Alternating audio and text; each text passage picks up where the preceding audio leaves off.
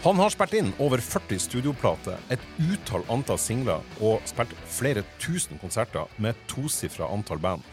Og han har vært frontfigur i band og konstellasjoner som spiller alt fra sarte folkballader til helt ekstrem hardcore og metal. Dessuten har han spilt på hvitevarer i et band, og han har gitt ut plate med rene kroppslyder. På toppen av det hele leder han landet sitt lengstlevende musikkradioprogram. Vi snakker med andre ord om en av Norges mest produktive og hardtarbeidende artister, og som hele tida har flere band og prosjekt i ilden, og som later til å ha ei evig kilde av voldsom energi i seg. Dessuten er han ekstremt interessert i musikk, med ei sjangerspredning videre enn kulene fra ei avsagd hagl. Dagens gjest er ingen ringere enn den godeste Kristoffer Schou.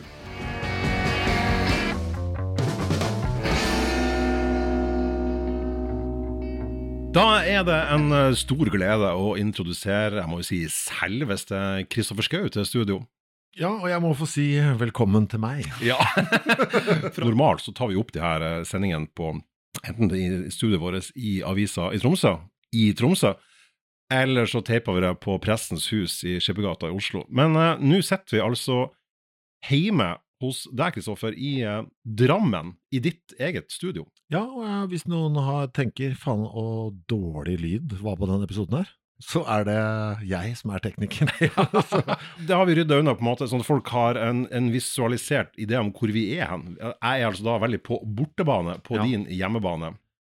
Ja, det, ja, for dette er jo det rare Jeg har flytta til Drammen da, og fått meg eget rom. Og... En slags mancave? Ja, egentlig ikke. Fordi det som jeg ble skjønte ganske fort, er at her inne vil jeg bare ha jobb. Så jeg går aldri inn hit for å kose meg. Så det er ikke noe koselig der? ja, nei, men eh, jeg, jeg, ser ikke på gøye ting på PC-en og sånn her inne. Nei. Her skal det lages ting i dette rommet, så jeg henger ikke her, da, for å si det sånn. Jeg føler at vi lager ting eh, nå, da. Så det er ja, jo innenfor uh, de interne kriteriene. Det, så jeg blir ofte litt så stressa hvis det er besøk og de skal liksom bare inn og så være her og kose. For, det, for jeg, altså, når jeg er her, så der, der gjør, gjør, man ting. Ja. Mm. Du har vært en, en, nær venn av meg i rundt 30 år. Jesus, ja. Det er veldig, veldig lenge. Uh, og jeg har vært konsertarrangør. Jeg har booka flere av dine band. Jeg har også gitt ut plate med et av bandene dine. Um, og vi har gjort masse jobbting i lag, vært DJs og alt mulig sånn masse tull og tøys opp gjennom årene. Her skriker jo egentlig alle sånne habilitetsalarmer veldig tydelig, men da vet i hvert fall folk om det. Mm. Men uh, det tenkte jeg uansett ikke er nok til at jeg ikke vil gjøre en podkast med deg. For det er jo masse rundt deg og ditt musikerliv jeg er kjempeinteressert i. Ja, det blir sånn, for jeg er jo vant til når jeg gjør sånne podkaster, å ta på meg en eller annen form for hatt. Og det er ganske rart å gjøre det da. Eller det er litt, det er litt sånn uvant. Jeg synes det er rart at dette skal bli noe. Fordi når jeg prater med deg, så prater jeg bare med deg. Altså Av og til, hvis du slumper til å være noe på noe dogskive og sånn, så pleier vi å ha ok, da sier vi det jo nesten nå. Nå tar vi på oss begge to tar på seg hver sin hatt. Eh, jeg tar på meg promohatten min, og så tar du på deg journalisthatten din, og så gjør vi de tingene som er forventet av oss på litt Men altså Ja, men det er samtidig intervju. Ja. Jeg, jeg, kunne jo aldri anmeldt ei plate med Nei, det gjør du aldri. Det, det går ikke, for det, da, da, er jeg ute og kjører. Det er synd for meg. Ja. hva, hva, er det du holder på med for tida, rent musikalsk? Hva er, hva er det som opptar tida di nå? Du gjør jo så jævla mye. Hva er det som er det du holder på med nå? Det er å lære seg låtene vi skal spille på festivalene i sommer med The Dogs. Som er litt sånn kjøtt og poteter-arbeid, som jeg kaller det. Det er pugging. Som er eh, Jeg, jeg syns det er veldig vanskelig å huske, huske, disse tekstene på ting jeg ikke har spilt på lenge. Og så driver jeg og øh, spiller med White Urine, som er et sånt nytt øh, opplegg jeg som jeg gjør sammen med Stefan i The Dogs. Han spiller, altså, han spiller keyboard i, i, i ja. Dogs? Ja. Han spiller trommer der, og så spiller jeg gitar og synger. Han hadde ikke spilt trommer på 20 år, og jeg hadde ikke spilt gitar på 25, live, da. Ja, da bruker du den Flying V-en du har? Ja. ja med sånn bilmotor i? Ja. ja. ja. Og nå er det jo det rare har jo skjedd, at vi har jo spilt flere konserter i år enn Dogs. Oi! Hvor mange, hvor mange gigs? Tre. Wow! Eh, hvordan, eh, hvordan er det? Eller, Er, er, det- fire, er? Unnskyld, fire, tror jeg det er. ja, er, er det artig? Ja, det er så gøy, vet du, at det er, det er jo helt uh, amazing. Altså, det er, alt er megaprematurt, og det har egentlig vært litt sånn Fokus er kos hele veien her. Det er det At er- dere to skal ha det gøy? Ja, og det er det eneste. Og så gir vi ut altfor tidlig, så den første skiva vi har gitt ut, det, mye av det er bare Det kom i fjor, den. Gjorde- Ja, det er mulig det. Jeg tror den kom i fjor. Ja, kanskje det var, ja, det kan stemme. For da, det er bare, da jeg, dro bare, jeg ringte bare Stefan, du må kjøpe deg noen trommer. Ja, Han kjøpte han det for 1100 kroner, et tromsett av en sånn trommelærer på Sande eller noe sånt. noe. Ja, ja. Og så dro jeg bare ut av den, og så er halvparten av det du, som er på den skiva, er bare egentlig Jeg skal egentlig bare Jeg la båndet gå for sikkerhets skyld mens du lærer deg låta. Så er det bare første gang han i det hele tatt spiller overhodet på den låta. Ja, så det er egentlig demoene som blir plata? Ja. Ja. Det tenker jeg, ja, det, vet du, det, det holder for meg. Nå er, nå er den der. Skulle noe skje, så, har, så, så finnes det i hvert fall. Så bra. Ja. Det som er gøy nå, da, altså jeg gir ut live singler fra alle gigsa vi spiller. Uansett, får folk til å ta opp i salen med mobiltelefon, så bare gir jeg det ut. Altså, du, du, du får opptak fra folk sine mobiltelefoner Ja. som du gir ut Som singler. på Live-singler. Spotify? Ja. Jeg tror alle som spiller i band har en sånn følelse, et, et sånt øyeblikk på øvingslokalet hvor som er nesten det kuleste med spilleband, når alle står rundt så Man står i en sirkel, ikke sant, så ser på Ja. hverandre man spiller, uh, og så bare Å, shit! Alle kjente at Oi, faen, nå! Oh, her er den! Nå gjorde vi den, liksom. Og egentlig etter det så prøver du bare å kopiere det. Det øyeblikket? Ja, og du får det ikke igjen, fordi du får ikke det øyeblikket av at nå hadde vi en felles opplevelse. Du kan få til en som sikkert høres sånn ut for folk, men jeg er så gira på at det øyeblikket skal, skal jeg ha på tape med folk i salen. Så jeg, er gira, så jeg prøver å spille kliss nye låter som vi så vidt kan, live, og få folk til å ta det opp sånn tilfelle det, det, Det, det øyeblikket? øyeblikket er Og nå tror jeg ikke jeg var farlig nærme eh, på rekord her i forrige uke. Rekord, altså en, Ja. en plass i Ja. rammen? Ja. Ja, med en låt som heter One AM der. Jeg følte oi, det Den er ikke spesielt perfekt spilt, men dæven hvor nærme den er på at vi For det da, vi, vi var litt glad i oss sjøl når vi kom oss gjennom den. Ja. Altså, det er en sånt band, da. Ja, Så jeg vet kult. ikke om folk syns det er noe ålreit å høre på, men jeg synes det er helt fantastisk å drive med. Du har jo vært eh, aktiv eh, i, i, um, i musikkproduksjon i ja, rundt 30 år ca. Ganske nøyaktig rundt 30 år, eh, og spilt inn ting. Men jeg har lyst til å gå tilbake til uh, guttepjokken Kristoffer Schou, og, Mm. og, og bare få et sånn bilde av hva det var som tente denne gnista. Husker du sjøl hva det var som starta din, din egen musikkinteresse? Det var jo at man satt på de skivene som var hjemme. Altså foreldrene dine sine plater? ja, gå i platesamlinga der, så bare, fordi man var gira. Jeg likte, jeg likte lyden av folk som spilte ting. Og det var egentlig litt sånn vilkårlig, tror jeg, hva det var, for jeg, jeg satte jo ikke pris på alt det jeg spilte. Holdt jeg på å si, jeg bare likte å sette på en vinyl, og, og så likte lyden av rytme og gitar på et eller annet vis, for det er jo Hadde de, hadde de mange plater, foreldrene dine? ja, men de, de, jeg tror de kjente noen eh, som hadde tilknytning til det der kommunistiske plateselskapet Mai. Ja, ja, ja. ja. Det hadde foreldrene mine òg. Fy faen, så mye dritt det var! Vømmøl og Frosk. Ja, men husker du, det er et norsk punkband som kommer på Mai. Å ja, Kjøtt. kom de på Mai? Mai ga ut kjøtt. Nei, er, du, du, du sa det med et ansiktsuttrykk som tyder på at det går faen ikke an! Så Nei. det er litt usikker Men det får vi sjekke etterpå. Jeg, Ja, det- ja, det jeg er godt stemme, 99 sikker på at Ja. kjøtt kom på Mai. Ja, da var det vel politiske nok, da. For du måtte gjennom kverna. For jeg husker vi hørte Frosk eh, med skiva Kråker i lufta, som er Den er så streng nå. De skal liksom gjøre narr av de ikke Direktøren drikker ikke fra flaske. Direktøren sitter ikke på dass. Det er sånn der, ok. Ja, det er jævlig. Men det hørte jeg masse på, fordi jeg bare syntes det var Og så var det Trond-Viggo, da. Når jeg endelig fikk Trond-Viggo, så løsna det litt. Altså de barneplatene hans. Ja, kua som hadde fletter, og, Ja, ja, ja. og da var det sånn Yes, dette er min verden. Ja. Det, det, da bodde vi i Bergen eh, der, jeg var sju, sånn, og så flytta vi til Oslo når jeg var ti Bodde du sju år i Bergen? Nei, jeg var sju år gammel. Du har, du har aldri skarra? Jo, jo, jeg flytta jo dit. Vi flytta jo, vi var, levde sånn der nomadeliv. Flytta, Har du sagt rabarbra? Ja, det har jeg. Flytta til Bergen med østlandsdialekt. Begynte på skolen. Gikk i første, andre og tredje klasse på Møhlenpris barneskole. Og sånn, ja, der ja, der har jeg dialekt inne. Perfekt, nå flytter jeg nå. ingen som syns at jeg snakker dumt. La oss flytte til Oslo. Eh, der. Hei, hallo igjen, alle sammen. Og så, og så bare, bare begynne på nytt og bli, og bli kvitt den. Ja, ja, ja, det gikk fint, altså. Ja, ok, ja. Du, da skjedde mye på en gang, egentlig, der, ja.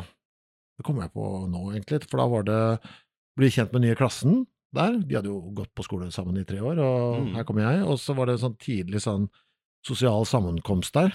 Anledning for å gjøre ting på kvelden. Eller en sånn klassefest av noe slag, da. Da skulle jeg mime Mima jeg til Hjalmar med Trond-Viggo, den låta. Å ja, sånn med playback. Med playback Ja. og en, kaske, en kassegitar uten strenger. eh, som jeg også da husker knuste og litt sånn showmannen min. Oh, sånn Pete Townsend? At du knuste en sånn, eller London Ja. Calling? Ja. Ja, Ja. og det var Ja, det var, det var litt mye for alle, alle parter, egentlig. Men da, da ble denne bergensdialekten iallfall glemt, da. Men det, da var det tydeligvis såpass Trond-Viggo-fisert at det var, helt, det var det det gikk i. ja. Det var der det smeller, egentlig. Det er jo det samme året, for da skulle vi på klassetur. Det er jo veldig formativt. Vi dro på Løvlia leirskole. Vi var i en fjerde klasse, og så var det en annen skole der også, en sjette klasse. Og da var læreren til den sjette klassen var mora til Marius Müller.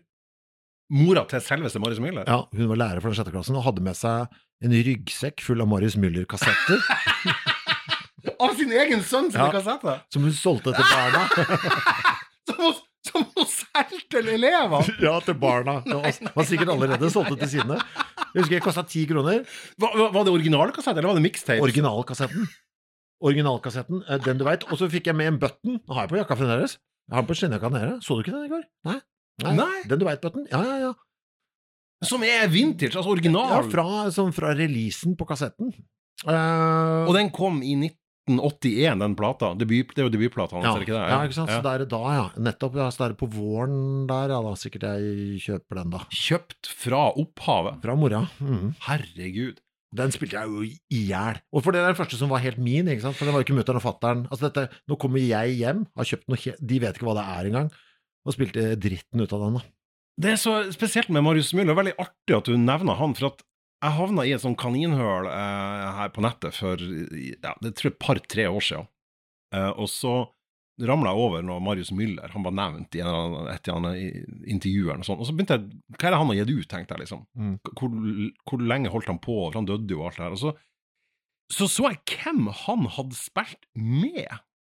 Å, herregud! Det må være den villeste uh, Muligens sånn Geir Sundstøl kanskje har flere ting, men det var sånn det var liksom Vazelina Bilopphøggers, eh, Ottar Biggen, Primavera, Jannicke, Bjørn Afselius, Kari Bremnes, Jahn Teigen eh, Altså, det var, det var Han har jo spilt med alle. Så du noe utenlandsk der? Fikk han noe, noen gang noe sånn? Ja, Bjørn Afselius og Mikael Ja, selvfølgelig, ja, ja. Den, den, Man kommer seg ikke ned på kontinentet og sånn, liksom? det tror jeg ikke jeg så, i hvert fall, da jeg kom over den oversikten. Men han, det var helt åpenbart at han var en av de mest eh, ettertrakta studiomusikerne som var Ja, ja. i Norge. Så han, han må ha gjort et stort inntrykk på veldig, veldig mange. Det som var litt kult, da, vi fikk den jo fra mora eh, der, og så gikk hjem og hørte på den, og så Du, du kjøpte den Ja, fra, fra mora. Ja, ikke sant? Jeg hadde pengene jeg skulle bruke til godteri. Men det som er rått, er at han, han breaker jo ganske kjapt, ikke sant? Men jeg hadde allerede Altså, jeg kunne låtene før, de kun, kom, før den kom på ti skuddet. Så jeg- Ah, jeg så du var så tidlig ute at du Ja, for det var ja, zoom, og så han breaker jo sånn rett etterpå, på en måte. Altså sånn kanskje uka etterpå eller noe sånt, og da var, hadde jo jeg Altså, så det, for meg så var det sånn Jeg vet da faen, det er min første følelse av liksom Jeg har peil. Ja, som var en, eh, som var en veldig, eh, en veldig um, høy kulturell kapital. ja, altså, jeg, jeg husker jeg fikk en sånn selvtillit på at jeg har god musikksmak, på en eller annen måte. Ja, ja, Ja, ja. ja, jeg kjøper de tingene som eh, Som, som blir stor. Nei, jeg, var ikke så cocky på det, altså. Men jeg, jeg, hørte den jeg, kan, jeg tror jeg kan besteparten utenat. Altså. Men fulgte han videre på de Nei. tre neste platene og sånn? Nei, for da, nå er det liksom i gang. Funhouse og de tingene her? Nei, nei, nei, nei, for det bare ruller nå. Det er bare den skiva, egentlig. Ja, okay, Ja. For da, Jeg husker ikke helt hva som kommer rett etter, ass. Men det er, det er i hvert fall i gang på et eller annet- vis. Det er liksom rock. Da Da tvinger jeg fram sånn Beatles-skiver og sånn fra mutter'n og fatter'n, de lå jo der, de òg. Som, som publikummer, eh, for du var jo, da jeg ble kjent med deg, så gikk du på helt sinnssykt mye konserter, som konsertgjenger. Har du noen sånn verste konserten du noensinne har vært på? Ja, vanskelig, fordi Å, det er vanskelig. Men jeg, ja, jeg, jeg, tankene mine går til New Bomb Turks på Roskilde, ass. Hæ? Ja. Altså i 97? Ja. Ja, jeg var på den konserten, jeg også. Det var ganske vått Roskilde. Ja, jeg tror det her Ja, 97. Da spilte dere der også med Gartnerlosjen der. Ja. Ja. Gleda meg. Altså, så åndssvakt til å se New Bomb Jeg var kald. Amerikansk band. Et av de viktigste bandene på 90-tallet. Jeg syns de har, ga ut 90-tallets beste album med Destroy All Boy. Destroy All Boy, ja. Fantastisk. Bandet fra Ohio. Ja. Helt sykt bra. Hva var det som var så nedtur med konserten? Nei, jeg dro og så på det. Jeg er Frode, min gode venn. Ja. Eh, vi skulle, han er jo helt hysterisk fan uh, der. Uh, han klarte å ta meg igjen, tror jeg, som fan. Står og ser på, hutter og fryser. Og så begynner å spille. Dritbra. Syns det var helt kjempebra. Og så, og så er det akkurat som det blir enda bedre, for jeg kjenner at ah, der Nå begynner jeg å bli varm. Eh, nå kommer varmen i kroppen samtidig Ja. også. Varmen kommer liksom fra låret og sprer seg nedover. Eh, bare så deilig. Og så tenkte jeg det var veldig varmt. tenkte Jeg Jeg skrudd på varmeapparatet. Så ser vi, nå tror jeg jeg skrudd på varmeapparatet i teltet. Så var jeg litt sånn berusa sjøl, så jeg tenkte ikke på at det, det er selvfølgelig ikke varmeapparat i teltet på Roskilde. Så ser Frode det. «Ja, det, er, det er ikke varmeapparat, det er en fyr som står og pisser på deg. nei, nei, nei! En fyr som pissa på deg! Ja, så sto det det en tysker der, husker jeg. Så sto så sto sånn og så med dreads og sånn. Og sånn. Så- tysker med dreads! Så sto bare så, og så på meg. Og så så jeg på ham. What are you doing? Pissing. Og så bare Ja, det, det veit jeg. Og så bare sånn Hvor slo du ikke han i hjel? Nei, for det var Han sto For det var de hadde delt opp Du Roskilde med sånn, du vet, sånn litt sånn mellomgjerder. Ja, det er Ja, ja, ja, Så jeg sto liksom sikkert inntil lente meg sånn behagelig der, ikke sant. Så, så hadde jeg misforstått og at det var en ovn, da sto han på andre siden, så jeg prøvde jo å få fatt i den, da. Men da kom han seg av gårde, da. Så for da var det sånn Ja, fordi jeg hadde det så Ja, for jeg hadde det så jævlig Altså, jeg sto der, frøys, og så var det sånn Og så var jeg egentlig litt sånn lei, og så bare kommer New Bomb Tørst. Fy faen, yes, det blir, alt blir bedre med det. Og nå, jeg, og nå er jeg varm også. Så jeg var sånn Alt var sånn Jeg, jeg hadde en sånn kjempefølelse av lykke som ble bare tatt fra meg på ett sekund. I'm pissing. Fy faen. Det, det var, husker jeg var sånn Så dukta jeg sånn derre og så var han, der, han var ikke veganer, han der, for det var sånn kjøttpiss. Det var sånn Sånn røkt piss, vet du. Sånn mørkt. Sånn Guinness-aktig drittpiss. Sånn tysk verste valør. Det var helt forferdelig. Lukta kjøtt av meg.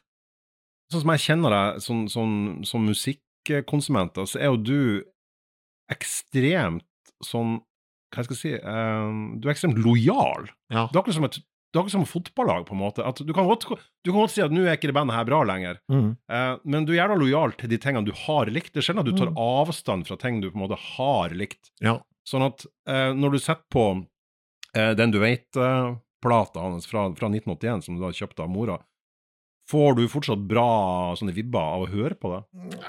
Ja, akkurat kanskje den. For jeg syns den låten er ganske kleint å Ja, høre den på sjøl. funker ålreit for meg ennå. Det er sånn som, en sånn som frigjorte damer og sånn, den syns jeg, den synes jeg er vanskelig. frigjorte damer, gjør hva de vil. da ser jeg oh, oh, ja, ja, ja, det var ikke så Men jeg har mye på. Jeg hadde egentlig tenkt å høre på den her, for jeg regner med at, at den kom opp, så jeg hadde tenkt å sette Ja. på på Spotify og bare sjekke. For jeg, jeg innbiller meg at jeg har stjålet ganske jeg, jeg, Det er mulig jeg tar helt feil nå, så at jeg bare har planta et eget minne i hodet mitt, men jeg innbiller meg at han er ganske stenhål på låtstrukturen i, på hele den skiva. En sånn struktur som liksom har blitt med meg gjennom hvordan jeg lagde musikk, da, var spesielt i starten. Da. At det ligger i DNA-et ditt, på en måte, da, i Ja, at sånn som han gjør det, så tror jeg kanskje Det er mulig jeg bare har overført det på han etter det, men jeg mener at han kjører ganske nazi på kjapp intro, dobbelt vers, refreng, enkelt vers.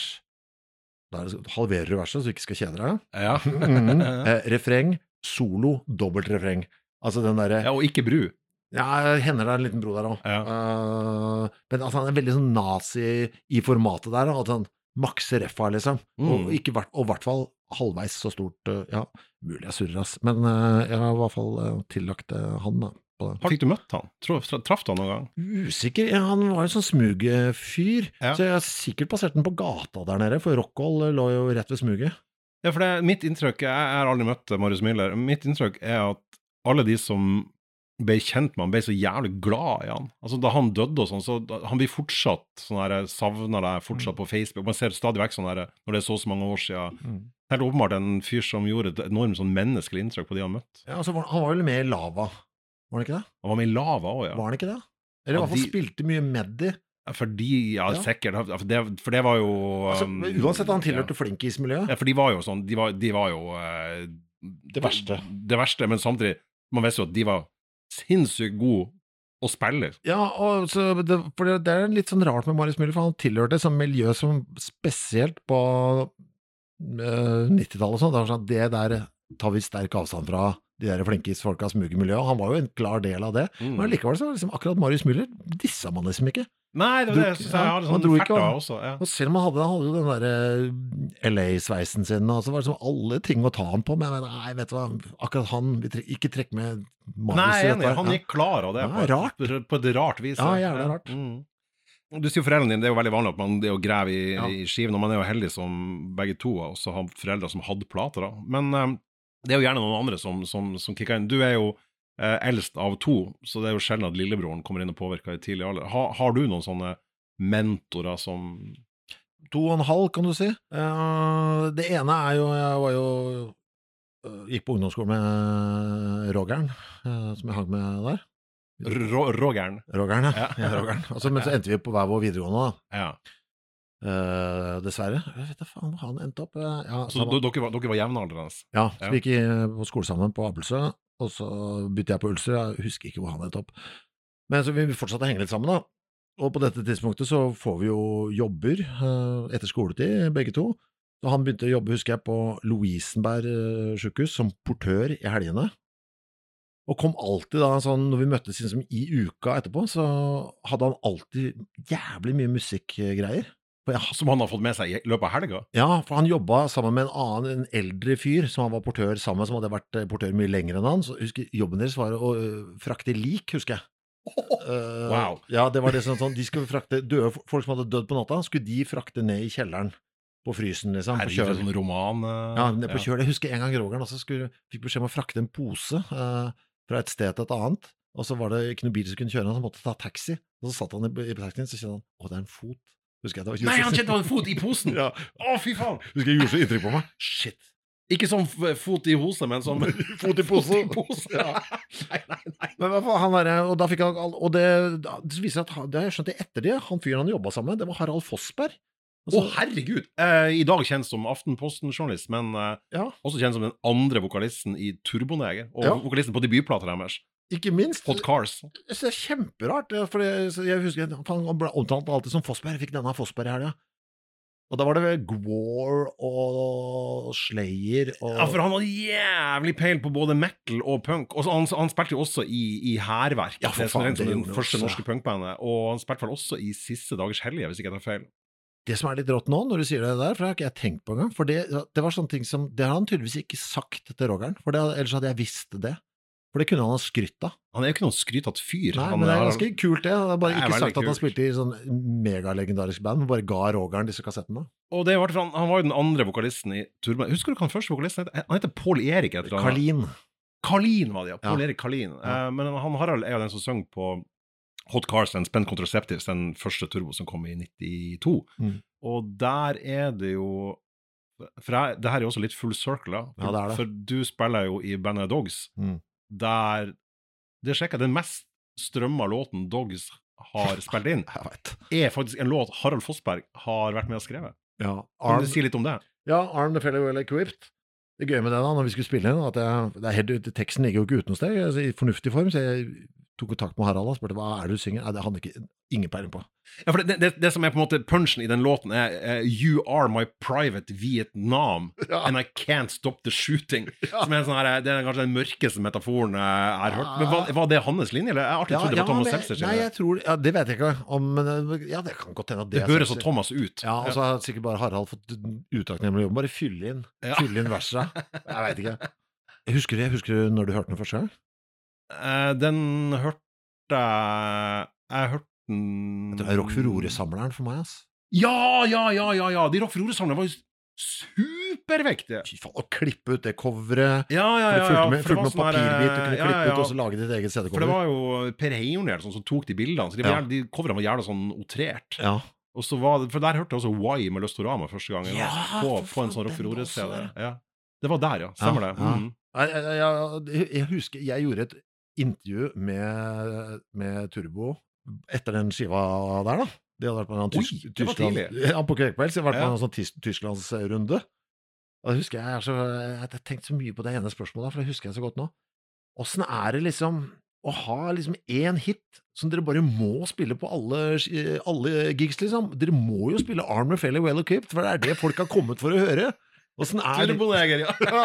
Bare, og de var litt sånn Nei, det er, nei, vi må jo det. Det er jo Nei, det må Nei, går jo lei, da, men så bare, Ok. Ok, Så de var, de var enige om at det var, Ja, det var kolossal anførselstegn Ja, ja, ja, det var den og Librum Love litt, da. Men, ikke, men ikke det samme, liksom. Ja, For det er jo ei plate som gikk under radaren til de aller fleste Ja, den første er jo så bra, vet du.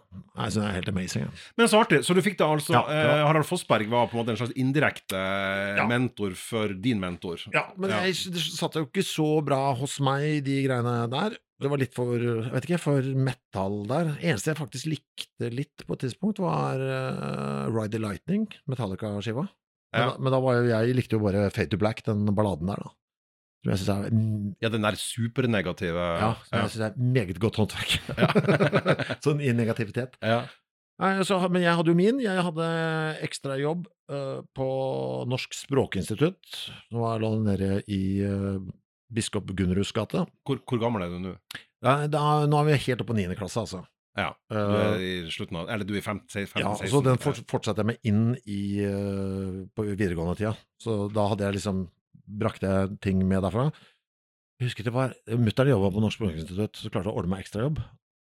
Jeg var den best betalte uh, ungdommen i Oslo by, for de klarte ikke å gjøre noe med lønnssystemet. De klarte ikke å opprette en egen sånn ekstrahjelplønn. Så du hadde voksenlønn? Ja, så jeg hadde 90 kroner timen, og det var helt, en helt hysterisk sum i 89, liksom. For liksom folk rundt meg bare Du får ikke 90 kroner timen, liksom. Jo, det er jeg får grown up money. Fantastisk. Ja. Men der var det han som var sjefen på lageret der, han får jobbe bare pakke språkkurs eh, på kassett. Folk skulle lære seg fransk og sånn, og så måtte du pakke og sånn, og så var det noen ark med oppgaver og putte inn sånn eske og sette på navnelapp og sende i posten. Og så var det Bjørn Luca, han var da lagersjef der. Viste seg at han har da fremdeles, tror jeg, Europas største Black Sabbath-samling. Europas største Ja. Black Sabbath-samling. Ja, han er legendarisk i platesamlermiljøet. Det er bare flaks at han jobba på lageret der. Nei, så Han var jævla kul, for han hadde, vi hadde jo fri tilgang på kassetter, ikke sant. Ja. Og der var det bare å forsyne seg, for når folk sendte tilbake Så jeg, så jeg hadde jo ubegrensa antall opptakskassetter. Å, var det sånn at du måtte tape over hølene, eller var Ja. det Ja, du måtte, ja. ja. Ja, det originalkassetter du måtte Ja. manipulere, ja. Ja. Og det som var helt rått, eh, bisetning der På Språkinstituttet så hadde de faktisk 120 tapes tilgjengelig. Altså Og ikke C90, men C120. C120. For det var jo noen album som var lengre enn 45 minutter, vet du. Jeg var den eneste som liksom hadde kunne kontrollere det. Legge to sånne på én kassett, liksom. Det var, Dæven! ja, de, de ble jo lett eh, båndsalat av dem, så det ble aldri en hit. Ja, og så var de tunge å drive i Walkman, så brukte jævlig mye batteri på dem. Ja, ikke sant. Ja. Ja, men han var, men han var ikke, han fora ikke, fikk aldri Black Sabbath eh, an, men han var helt insane på ballen på Paisley Underground. Å ja, altså Dream Syndicate, uh, Long Riders, Three O'Clock, Bangles, Green on Red. Ja, som egentlig ikke var Pace Lønnere, men som vi regna som det i dag. Ja, og så fikk jeg også Det var kanskje bare av klærne, eller? Naked Prey òg. Naked Prey fikk jeg også han. Jeg husker, eh, men ikke minst Rocky Eriksen eh, fikk jeg han. Å, fikk du Rocky Eriksen så tidlig? Ja, jeg fikk det I niendeklassen? ja, niende og Eller det kan ha vært første året på videregående òg, men jeg var Var, var det 13 Floor Elevators, eller var det de, de soloskivene fra Soloskivene. Å, fy faen. Uh, så Fortell om det, Kristoffer. Ja, Kristoffer. Det var jo helt ute av kontroll. En av verdens beste vokalister. Jeg, skjønte, jeg skjønte ikke hva jeg hørte på, for var, det var så fett at det, jeg, jeg dro jo til han én gang i uka. ikke sant? Det var fredag, fredag etter, det var bare én dag i uka etter jobb. Ned, og, så, og da hadde han brent én kassett til meg hver gang, med én skive på hver side. ikke sant? Så ta med den hjem. Han, han drev rein opplæring, og så skrevet opp alle låttitlene også. Å, herregud, for en gave. Forhånd, og så var det da og så bare putte jeg, jeg visste jo, Han sa ikke hva det var heller. Dette tror jeg du vil like, liksom. Men det sto på, gjorde det ikke Sto det? på. Ja. Og så setter du på, og så bare kommer dette ut av høyttaleren, det var jo så Og det var hele miljøet, det der med demons og zombies og alt det han sang og det, det var, det Ja, var fordi de platene må jeg si, altså, de, de ble jo skrevet i en periode av Rocky Harrison sitt liv der han var veldig, veldig veldig ute eh, psykisk. Ja. Og der han hadde mye vrangforestillinger, og, og der den galskapen på et eller annet slags skrudd vis kommer ut strukturert da, i Mm. rockform. Ja. Men der tekstuniverset er fullstendig fortørna, Ja. som er noe pyramider og marsboere og zombier og, og Satan. Og, Mm. og det her setter altså Kristoffer 15-16 og hører Det må altså ha vært så Nei, det var helt jævla kraftig. Det som var så kult òg, han ga meg aldri eh, to skiver med samme band. Jeg fikk, jeg fikk, eh, jeg fikk én Rocky Eriksen-skive, liksom. Men ha- ha- så, så, så det jeg gjorde For på dette tidspunktet så fins Rockshop, har kommet. Å, Rockshop. Eh, For de som ikke husker det, legendarisk platebutikk på Aker Brygge. Så, Med veldig veldig flinke folk bak disken. Altså det han gjorde, ikke sant Så jeg får disse, hører på det, ok, dette må jeg ha mer av. Og så går jeg og så, så Han setter jo meg i gang, ikke sant. Og, med, og det var ganske mange platebutikker i Oslo på det tidspunktet. Det var ikke alltid Ok, jeg sjekker Utopia var en Ja. Utopia oppe i Pilestredet. Voices of Wonder hadde på Grünerløkka. Ja. Man hadde sånne ruter man måtte gå. Ja, ja, ja. Rebel Records kom etter hvert og sånn. Så det var sånn, ok, Og, og Sten og Strøm. ut på jakt. Og så var det jo også Men kanskje det aller viktigste han gjorde, på meg, øh, gjorde for meg, var å fortelle meg at jeg burde lese Buckerfull of Brains. Åh, den blekka, ja. Den var viktig, den. Den var viktig, den. Har du den med Rocky Eriksen på coveret Ja. og fleksisingel inni? Ja. ja. Jeg har to. jeg det bare panikk for at og de står på to forskjellige plasser. I fall den ene skal brenne opp eller et eller annet. så er Husker du at de begynte med faktisk, med faktisk vinyl òg, etter hvert? Hva? De begynte med faktisk med hard vinyl, plutselig, på et eller annet tidspunkt. Ja, stemmer det, for det var Flexi-singler til å begynne med. De Ja, mjuke, bøyelige. Ja, eh, ja, stemmer det. Jeg kjøpte den, også BOB, som var det også, og Ptolemaic Terrascope. Det, det kjøpte jeg. Ptolemaic, det var jo liksom bladet til uh, Nick Salaman. Uh, ja! Bevis Frond. Uh, Ja. ja. Det er masse Britisk Vorontsov psykedelia. Mm, Ja. ja. så jeg kjøpte jo den òg, det, var litt- det var litt vanskeligere. Men det som var rått da når jeg leste etter hvert, så begynte jeg å få litt eh, oversikt da, over hele det der eh, Green and Red Dream Syndicate-miljøet og, og alt det der. Ja. Og kjøpte disse bladene ikke sant, og leste om de. Og da begynte du å se og, Oi, shit, men her står det om Hva er dette? Og det var det ting som Bjørn ikke har fortalt meg om, ikke sant? Har du noen eksempel på det? Eh, Rain Parade. Ja, de var jo kjempesentral i den Paisley Underground-greia, og han David Roback, som var frontfigur og gitarist og låtskriver, han er jo egentlig indirekte mest kjent som eh, den viktigste hjernehalvdelen i Massey Star. Mm. Bare at der er det Hope Sandoval som, som synger. Ja, det men det var du òg, da, jævla tidlig ute på. Ja, ja, men det, husker jeg, for de hadde sånn Det husker jeg var helt on, jeg, jeg, Det var to ting som gjorde meg gal med den eh, blekka der. Det ene var at de hadde en kåring av 80-tallets beste album. Oi. Og jeg hadde da på dette tidspunktet alt på topp 20. Jeg hadde ikke førsteplassen. Oi, og det var Eh, Explosions in the Glass House. Eh, skiva enten med Galaxy 500 eller Rain husker jeg ikke. Som var, som var den beste plata Ja, på på 80-tallet. På hele 80-tallet. Og du mangler nummer én. Ja, og jeg hadde ikke hørt om det engang. Og nå husker jeg ikke hvilken av de to bandene var. Kan det være Galaxy 500? Galaxy 500, de ble, de ble luna. Ja, ja. Ja, og det er bare sånn, ok, da, For det var jo bibelen min, liksom. Altså, det som står der, er sant. Så det, jeg gikk jo og sa at det er altså, Det var offisielt for meg, det. Buckerful Brains har fortalt meg. Altså, det, var, altså, det, det var sant. Og jeg, den brukte jeg mange år på å få tak i. Og så samme også med Softboys-skiva. Ja. Den med den derre I Wanna Destroy You på. Ja, den uh, Underwater Moonlight, er Ja. den Robin Hitchcock i front. Ja, fy faen. Dritbra plate. For den ble de referert til hele tiden i anmeldelser. Mm. Nei, det er litt sånn Softboys og så bare, Fy faen, Softboys! Faen. Og det var helt Og da både, det, var jo ikke noe internett. Jeg jeg var innom Rockshop og jeg, altså, Ja, De var jævla vanskelig å få tak i, de Softboys-platene. Ja, Jeg husker var jeg sleit masse sjøl før jeg fikk tak Jeg har også lest om de. Ja. Jeg husker jeg, jeg tror jeg fant det Når jeg dro til England og sånn, så vi var på ferie og sånn der, det eneste jeg gjorde da, var bare å løpe rundt i alle platebutikker. Og det var bare rett på S. Fin, fin, nei, jeg var ikke her.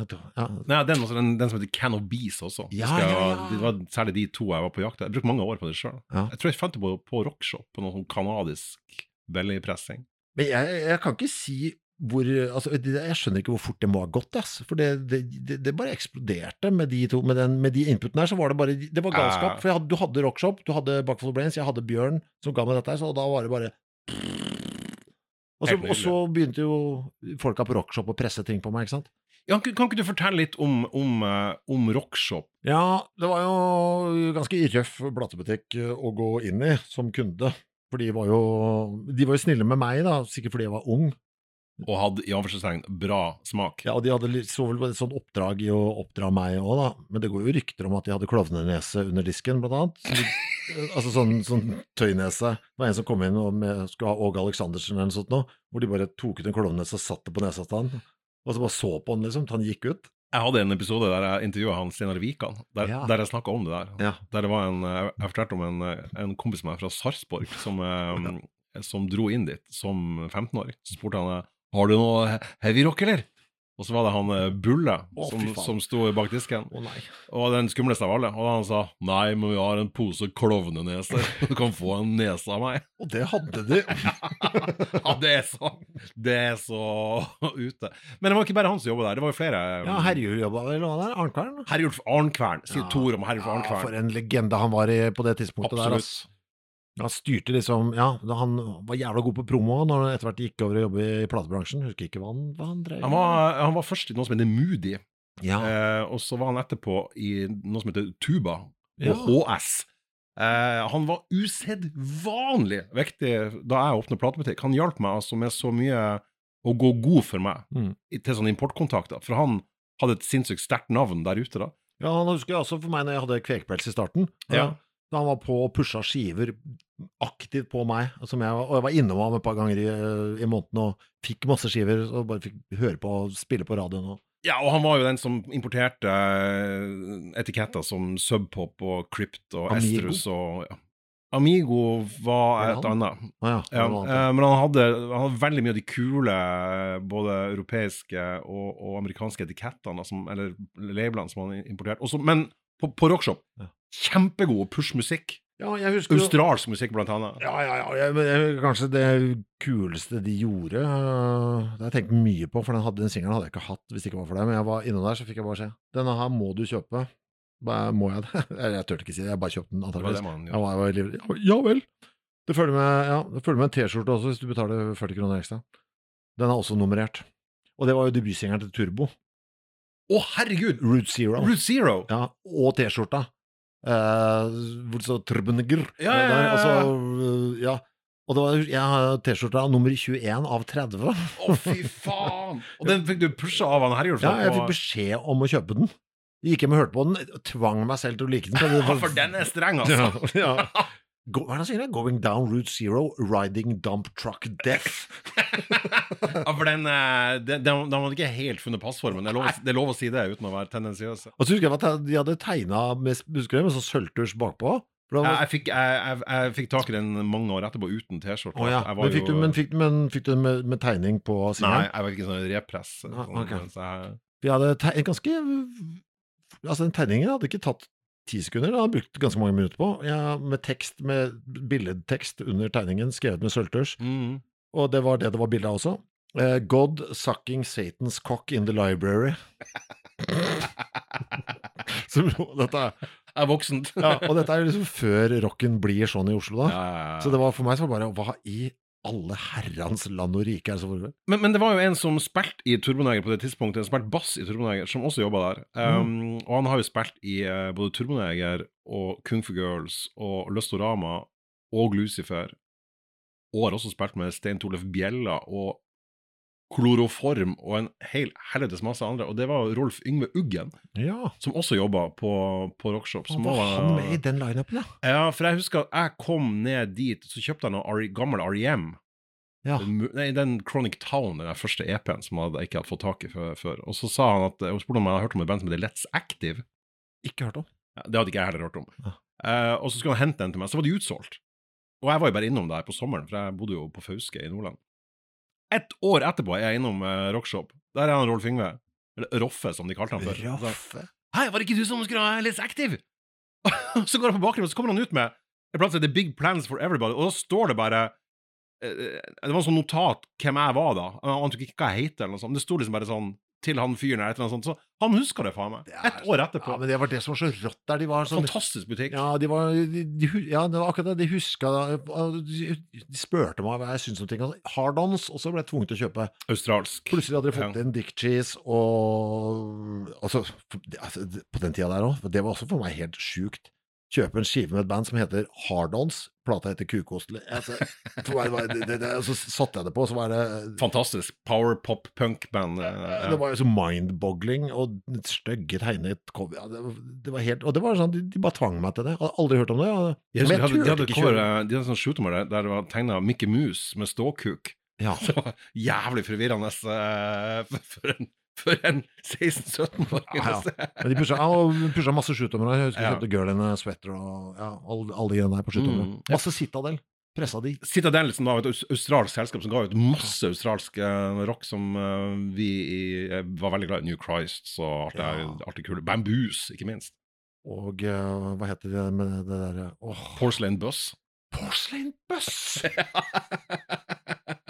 ja, for jeg skulle si Dubrovniks, men uh... Dubrovniks, ja, det var et sånt side, sideprosjekt. Det var med han James Baker på tromme. Jeg husker jeg likte det òg, jeg. Ja, jeg likte også det. Love Is On The Loose Tonight-singelen. Oh, ja. Ja, mm. Dubrovniks. Det er eh, 25-30 år siden. Ja, de, de, nå er vi over i ganske nerdeland. Det, Ja. det jeg synes er veldig ja, men, det, men det er fint, det. Det jeg syns er artig med det her, er jo at eh, du er ett år eldre enn meg. Mm. Du bodde altså i Oslo, Jeg vet. slutten av tenårene. Jeg bodde på Fauske, inni en fjord i Nordland. Og det husker jo jeg da vi møttes, da vi ble kjent med hverandre i sånn 4-95. Det var rett etter å åpne butikk, i hvert fall. Så begynte vi å snakke musikk, og så hadde vi faen meg mer, mer eller mindre identiske referanser. Og det var så rart! Ja, jeg, altså, i mitt, eh, jeg stoler ikke på min egen hjerne. Jeg, jeg, Ego, nei, Egil hadde vært hos deg før eh, jeg møtte deg, Ja. og fortalte om, om en platebutikk i Nord-Norge hvor det står en, eh, en fyr og strirøyker, og du får kaffe når du kommer inn. ja. og du kommer til å elske den platebutikken. Det er en kulsebrudd. Og ja, ja, Tromsø, jeg kommer aldri dit.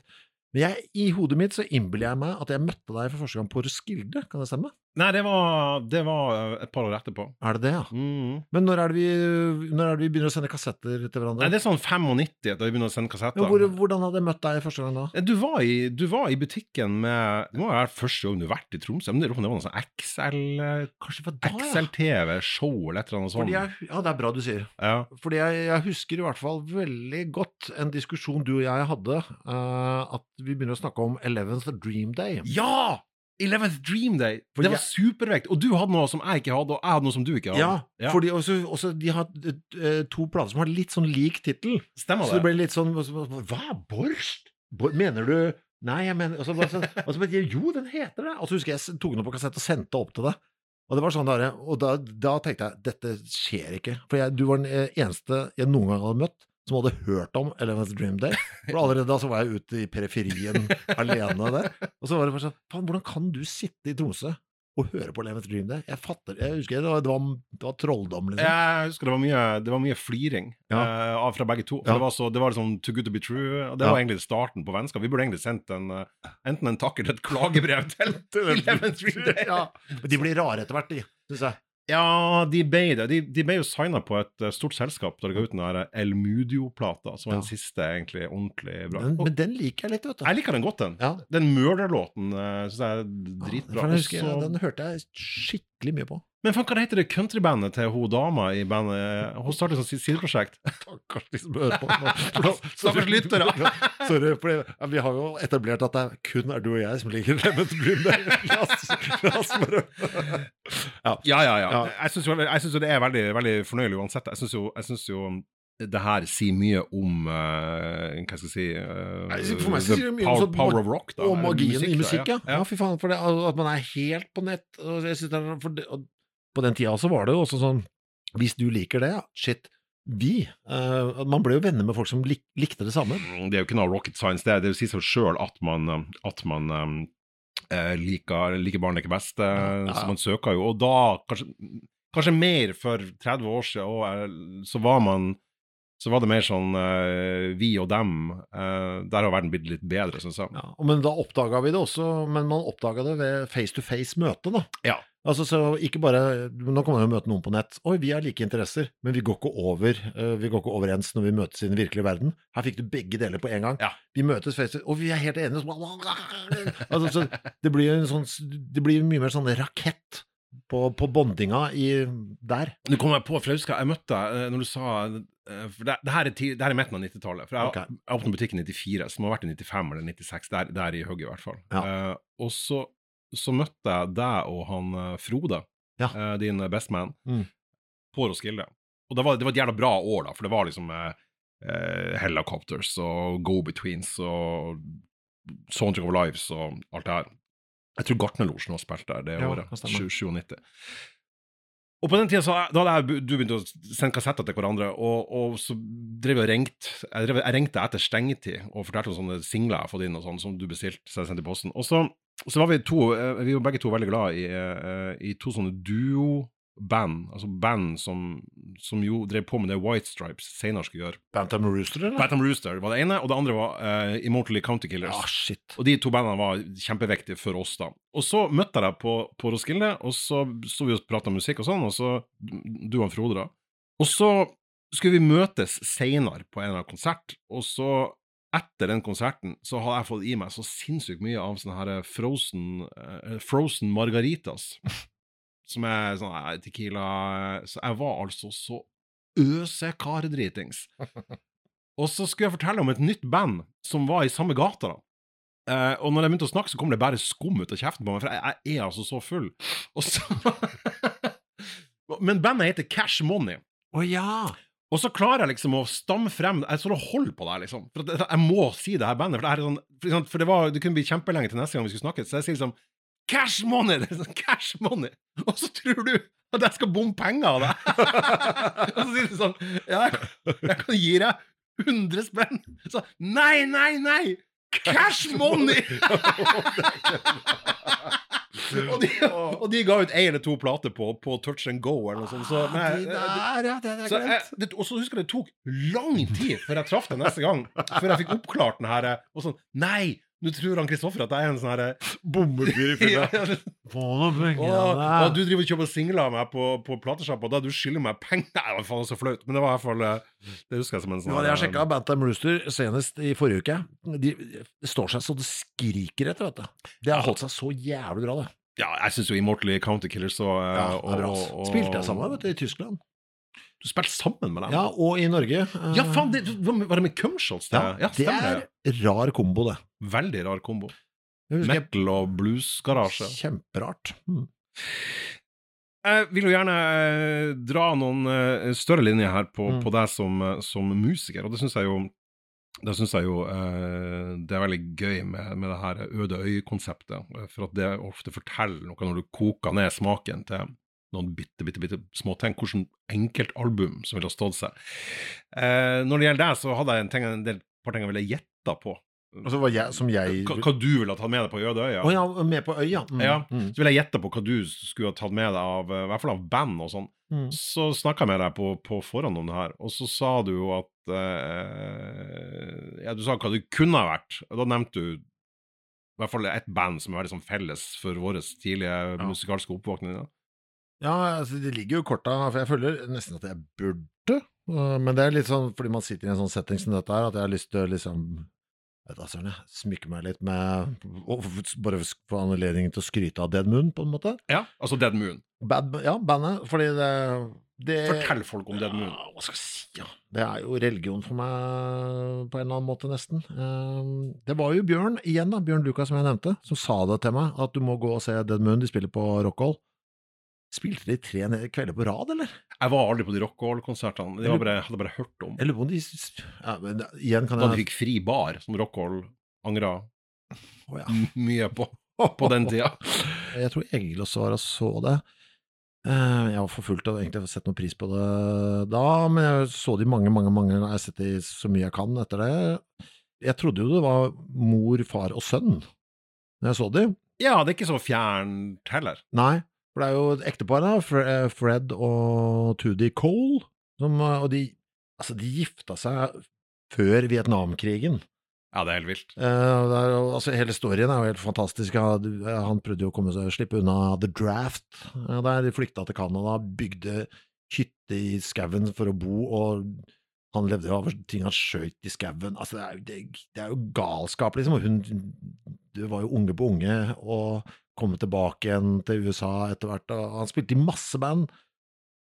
Weeds Ja, Weeds og Rats og Lollipop Shop. og Lollipop Shop, ikke minst, da, som um, legendarisk garasjeband, egentlig, Ja. sånn fra 60-tallet. Nei, så er det-.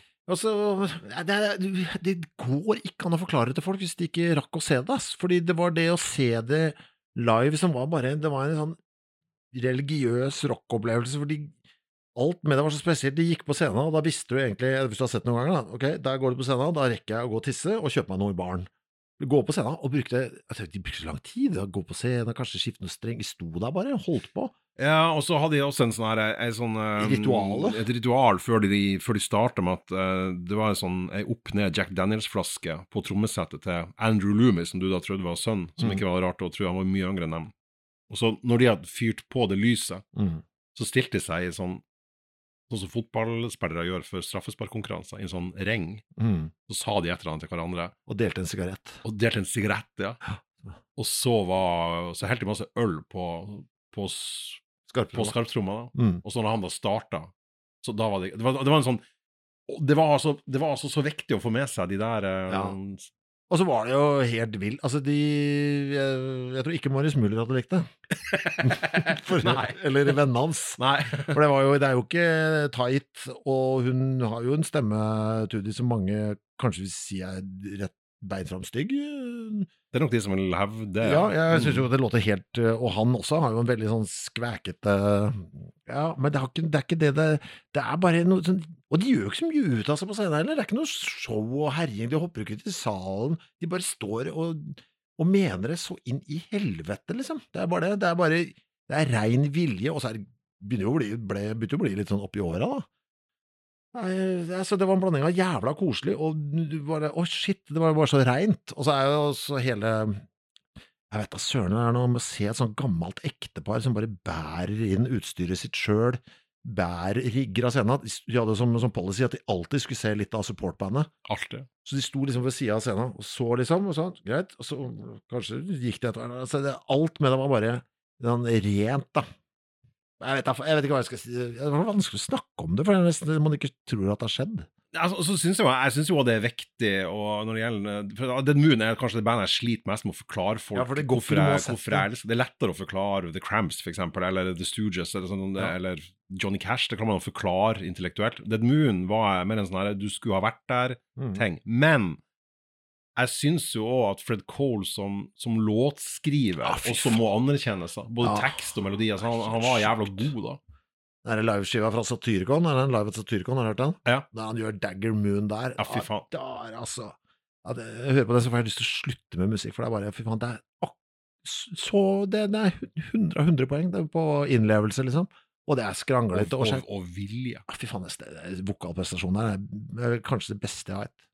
Får den- ja, tilløp til eh, at det skjer ting på arma hårmessig. Ja, det gjør det. Ja, jeg ser den. Jeg fikk gås ut. Ja, fyr, bare, bare, av bare tenke på Ja. den boka, den, åh, Det har jeg sendt til mye folk, akkurat det klippet der, opp gjennom åra. Sånn burde det låte, men det går jo ikke. Eh, Du sendte meg en link her for noen uker siden, ei uke siden eller noe sånt, Ja. der hun Tudy Cole, som er den eneste gjenlevende eh, Andrew Loomis, trommisen, er død, og Fred Cole, ektemannen, er død. Der hun gjør Dead Moon Night live for halvannen uke siden. Ja, Hvor gammel er hun nå? Nærmer seg 80?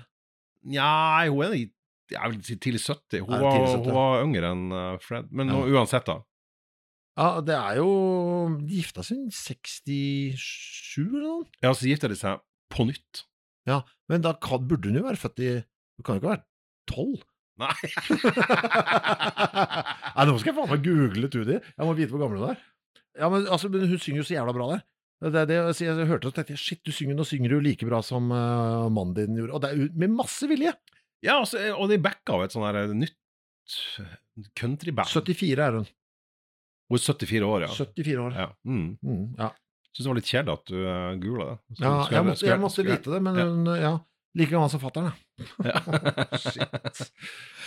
men, men, uansett, du, du, du tenkte at uh, Dead Moon ville du i hvert fall nevne. Jeg vil nevne det, men det er jo ikke der jeg lander, liksom. Jeg, også, jeg vurderte også å si til deg at, eh, at jeg ville ha Taylor Swift der. Uh, på, Ja, for, for, for det, det har vi snakket litt om. Uh, du, du, vi har en felles tråd, jeg og du og en kompis. Vi er tre stykker som Mm, deler ting vi syns er morsomt mm, eller dust, eller veldig, veldig bra. mm.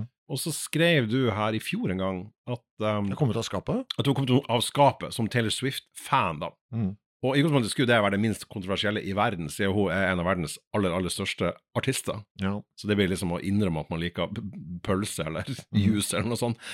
Og så skrev du at ja, Du grunnga veldig tydelig hvorfor du var fan, men så skrev du at jeg er ikke helt der at jeg, begynner, at jeg har begynt å gå i T-skjorte riktig ennå. Men det var, en jævla, det var en jævla god metafor, da. Ja. Eh, eller det forklarte veldig godt. Men det, eh, jeg, faen, jeg er 53. Det ser stygt ut hvis jeg går med en Taylor Swift. Hvorfor det? Jeg vet ikke. Jeg bare syns det ser eh, det, det tar seg ikke ut. Okay, ja. Eh, Hvis det er litt som at jeg skal gå i noen sånne der åletighte bukser og eh, Altså, jeg vet ikke. Det føler at det at du blir grisete, på en måte. Ja, det er noe skittent ved det. Men kan du bare, hvis vi hopper over det, det, det aspektet, kan du fortelle hvorfor Taylor Swift eh, har truffet deg så hardt, da, som, som, som hun da har? Ja, det slo Ja. meg bare her plutselig at shit, faen, dette, jeg, dette er nå den soloartisten i verden jeg syns er best. Og jeg sendte jo, skrev også i mailtråden at jeg syns at hun faktisk nå, på nåværende tidspunkt, har bedre katalog enn Bruce Springsteen. Og det var da først kommentariatet, du og Han andre. han andre, at det eksploderte litt. Men med en ganske overraskende twist.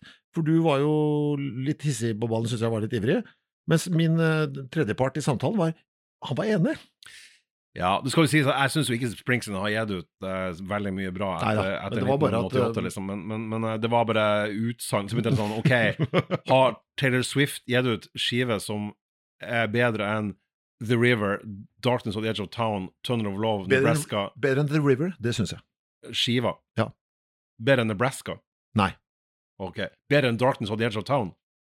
Mm, Det er noen låter som jeg ikke er så glad i. Og den er, nå er det vanskelig. Nå er det vanskelig. Nå, Ja. Men det er omtrent der, da. Men vi er der, ikke sant? Ja, Ja, det der. sier jo veldig mye. Ja, vi er der. Kan, du for, kan du forklare hvorfor? For det første, er jo så god tekstlig, vet du, at det er jo helt for, for, jævlig. Når jeg gidder, da. For den siste skiva er jo forferdelig. Men det er jo spesielt Tekstmessig. Ja, tekst, og låtmessig også, dessverre. Det var han, den er jo skrevet i lag med han Aaron i National, akkurat. Er det det, ja? Ja. Ja. Ja, det, det må hun slutte med.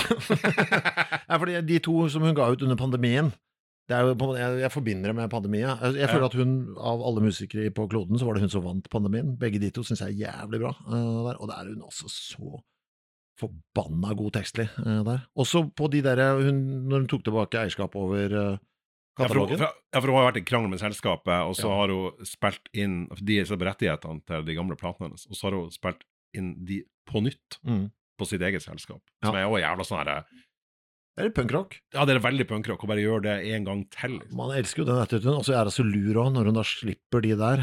Så legger hun med et tonn med bonusspor. Og der bare tenker jeg, fy faen, du, du har ikke gitt ut denne før, for denne her er jo dette, dette, er jo dette er jo godt nok til å vinne ganske mange konkurranser i låtskriveri, bare den det du bare har hatt liggende i skrivebordsskuffen, liksom. Ja, for jeg hørte på en låt som er fra den her eh, den Red-plata, Ja. der hun har gjort en sånn timinuttsversjon av eh, eh, Herregud. Ja, ok, ja. Ja. Det, det, ta, ta du og fortelle. Nei, altså, det er jo Skal vi se, jeg må ha skal vi se, jeg prøver, Nå prøver jeg å se på statsa mine her, eh, på, på Spotify. På Eh, dine stats. eh, ja, for det var den du tenker på All Too Well. Ja, det Ja. var det. Ja. Den, den låta eh, var min mest spilte låt det året den kom ut. Den timinuttsversjonen. Timinuttsversjonen, ja. Der er hun altså så god at jeg bæsjer på meg. Eh, fordi det skal, ikke, det skal ikke være teknisk mulig å holde meg interessert i en låt i ti minutter. Det skal ikke gå Nei, for det, det er veldig lite deg, for de som kjenner. Hørte på det siste gang, forrige uke. For jeg hører på det, tenker jeg, jeg skjønner ikke hvordan du gjør det. Og det er, det er ord hele tida. Altså i de ti minuttene. Kakla går. Eh, der, for hun har jo bare forlenga den da med Ekstra vers. Ja, og lagt til eh, For det er jo en sånn liten sånn hevnlåt av noe slag. Og det kommer jo litt sånn godt fram hvem det er også i den. Da tenker jeg fy faen, det er så farlig. Og det er akkurat nok eh, Hun er så god der. Altså, Vi har stjålet masse, ikke fra henne rent sånn tekstmessig, men sånn teknisk sånn låtskrivetekstmessig. Ja, hun har inspirert deg i de eier låtskriving? Masse. Ja. Mm. Fordi hun er så, som jeg snakka om med flere her, hun er så jævla god på å gi sånne visuelle cues i, tekst, i tekstene. Så på, den All Too Well, da, at eh, Dancing in the kitchen in the refrigerator light, det er en sånn linje som, ofte, som jeg bruker forteller folk om. For da er du, bare ved å skrive det, så ser du det så jævla for deg at det er mørkt på det kjøkkenet. Du bare holder kjøkkenet, og det er sikkert varmt, det er sikkert derfor du har kjøleskapdøra oppe, og så står du og danser i lyset. Det er bare, du, du får et sånn umiddelbart bilde i hodet, da. Så jeg sier det ofte til meg sjøl når det er sånn albumtid, faen, du må være bedre på Eller jeg må bli bedre på sånne visuelle cues da, i teksten. Et eller annet å henge det på. Og det er en annen sånn annen låt også om en annen unge som dauer, og så sier hun et eller annet om noen plastic dinosaurs. Og det er bare sånn, det er akkurat nok, det. Altså, Mm. bare, men jeg må tørre, tørre å være litt mer Eller jeg må bli bedre på å være litt mer konkret på uh, sånn fysiske ting i Så, så jeg kan liksom Jeg, jeg ble flytta inn i storyen. Eller i hvert fall Ved å visualisere det med, med enkle ord? ja, ja, og så være, ikke drive og være så mye rundt grøten, ikke, og ikke bare så mye på følelser. Når du Mm. skriver tekst òg, da. Hun er jo mye følelser i teksten, men grunnen til at du tåler det, er fordi det er så, hun er så utrolig god på å sette bilder. Da. Det er jo noen bilkjøringer og noen nøkler som ble kasta og mista på bakken, og det er bare sånn Å ja, man er der, da. Og så er hun åndssvakt god på rim, altså. Helt sju... Eller alt, egentlig. Fraseringer og tonefall og Jeg ble kvalm nesten av hvor god hun er. Det var nesten litt deilig at den forrige skiva ikke var så bra, for da kunne jeg uh, kan jeg ha en liten pause og ikke være Og det er noe menneskelig der. Ja, Men, men det var likevel ikke Taylor Swift eller Dead Moon som trakk det lengste strået. Du var veldig, du var veldig, du var veldig viktig av å understreke at det ikke var snev av tvil. Eh, og du har jo sagt det her i en haug med intervju, så det er ikke noe sånn uh, breaking news i det. Men, uh, men uh, Mm. du gikk da for et band som eh, av at det er du som anbefalte meg til meg, eh, har altså gitt så mange sjanser. ja. Jeg får det bare ikke til. Men fortell. Er det vokalen, eller? For Ja, det er vokalen. Ja, for han er sånn skjelvete i Jævla slitsomt. Ja, Jeg skjønner det. Utrolig sliten. Jeg skjønner det. Det er Hvem er, hvem er det vi snakker om? Spanish Love Songs og skiva Brave Faces Everyone. Jeg trodde det var, lenge det var omvendt også. Ja. Spanish Love Songs høres mer ut som en platetittel enn et band. Enig. Hva er det med den plata her som gjør at den ville du ha hatt på ei øde øy? Jeg ble Altså, jeg tok eh, konseptet ekstremt uh, konkret. Bokstavelig, ja. Ja, jeg tenker jeg skal til en øde øy nå. Og jeg får bare med meg én skive. Da gidder ikke jeg, tar ikke jeg sjansen på å prøve å lære meg Pet Sounds. Nei, det, Ja, sånn, det, det må man ikke prøve jeg vil ikke på. sitte fast der med den. Med den, nei, det Så jeg skal, jeg skal ha noe som jeg liker, men det tok altså også utgangspunkt i at jeg blir nå bare teleportert i dette sekund til den øde øya, og er helt alene, borte fra sivilisasjonen. Den skiva her, jeg gikk, jeg, det, Dette er siste gang jeg gikk inn i det jeg kaller for så psykose på album. Som, Ja, med det så mener du at du på en måte ikke du, jeg altså, klarer ikke å høre på noe annet. Det man før sa at man ikke fikk man får, Jeg får den ikke av tallerkenen, sa man. Ja. Altså, det ble liggende ei skive, og bare man klarte ikke å bytte den ut med ei anna. Ja, men det er, det, det er en litt sånn spesiell følelse. Som, eh, det er nesten det jeg jager. Det er, det er ganske likt russgreier, ass. Når den plutselig satte seg, den skiva der, så var det sånn Jeg ble helt rar. Jeg hadde lyst til å gå turer bare for å kunne høre på den i fred og sånn. Og, og det, altså, jeg måtte høre, jeg måtte høre den, jeg måtte høre den hele tida. Og så varte det så lenge. Det var nesten et helt år hvor jeg liksom var innom den hele tida. Ja, og du var veldig Du var jo nesten manisk opptatt av det, og når vi snakker om musikk Ja. Eller det var ikke sånn Det var ikke så jævla misjonerende før jeg liksom perka av rura på mm. deg, og da, men da, da Satan hvor du snakka om Ja, det roa seg litt nå, da. Det er Ja. bra, men det kommer en ny skive, så jeg håper jo at jeg skal få det samme igjen. Jeg vil ha, det, jeg vil ha det sånn. Men kan du fortelle hva det er med denne her eh, Ja, litt- den plata som er så fantastisk? Da? Eh, låtene, selvfølgelig, av en eller annen grunn så treffer det meg perfekt. Eh, der så jeg skjønner ikke hvorfor jeg ikke lar meg irritere av vokalen, for det er sånn vokal som jeg normalt skulle ha latt meg irritere av, men det gjør ikke det, altså. Men det er jo tekst, da. Det er, det er jo kla de han er jo så jævla god på å klage. Jeg har kalt det for gullstandarden i, i rock-sutring, og det er fordi On every given day I'm a six of ten. Jeg tror det er første ordet på skiva. Er, og så bare tittelen av Brave faces everyone, som er sånn prøv ja, prøv- altså, Det er bare sånn, men også er ti, eh, all teksten er veldig nåtid. Alle låtene er helt ty tydelig satt i 2016 til 2020 sånn Altså, det, det handler om vår tid. Ja. Så hvis jeg skulle vært på Nødøy, så hadde det minnet meg veldig om øh, vår tid. Det, at, at sånn, det, det har med At det er i presens. Ja, Ja. og det handler om Det er veldig som det å bo i by og, og sånn, litt. Så det er mye det. Men det er jo klaging Jeg tror jeg har behov for å klage. Og du merker jo også, jeg har lest intervjuet med han Dunn nå, altså han klager fordi han syns det er gøy å ha gode klageformuleringer. Ja, så det er glimt i øyet her. Det er ikke, det er Ja, ja, ja. Han er ikke en døv uh, Nei. sutrekopp. nei, nei, nei. nei, nei. nei. Altså, hva var det han sier der, da? Åh, den der hvor han svarer 'yeah, right'. Uh, this bleak It's not gonna be this bleak forever? Yeah, right. så, så, det, ja, ja. Jeg så ei sånn eh, For jeg, jeg, jeg var um, Jeg prøvde jo selvfølgelig å, å, å høre på den plata, så jeg ga opp Ja, til slutt. Altså, jeg, jeg ga mange sjanser. Altså, Ja. jeg, jeg hørte på den sju-åtte ganger. ja, det er Eh, pent. så til slutt så tok jeg så printa jeg ut de jævla tekstene, til jeg kan prøve å lese dem, da. Ja. Eh, og da var det linja um, The pain is back in my chest Ja, det again. er så bra, den linja! Holding me down like a high school friend. Jeg synes det var så det åndssvakt bra? Det var så hardt! Altså, du skal sett meg, for jeg har gått rundt i gatene her, det er Drammen, med headset på, og nå er jeg liksom bare Altså, jeg lager lyd. Jeg er han crazy manen som går i gata, bare, bare sånn Nei, fy faen!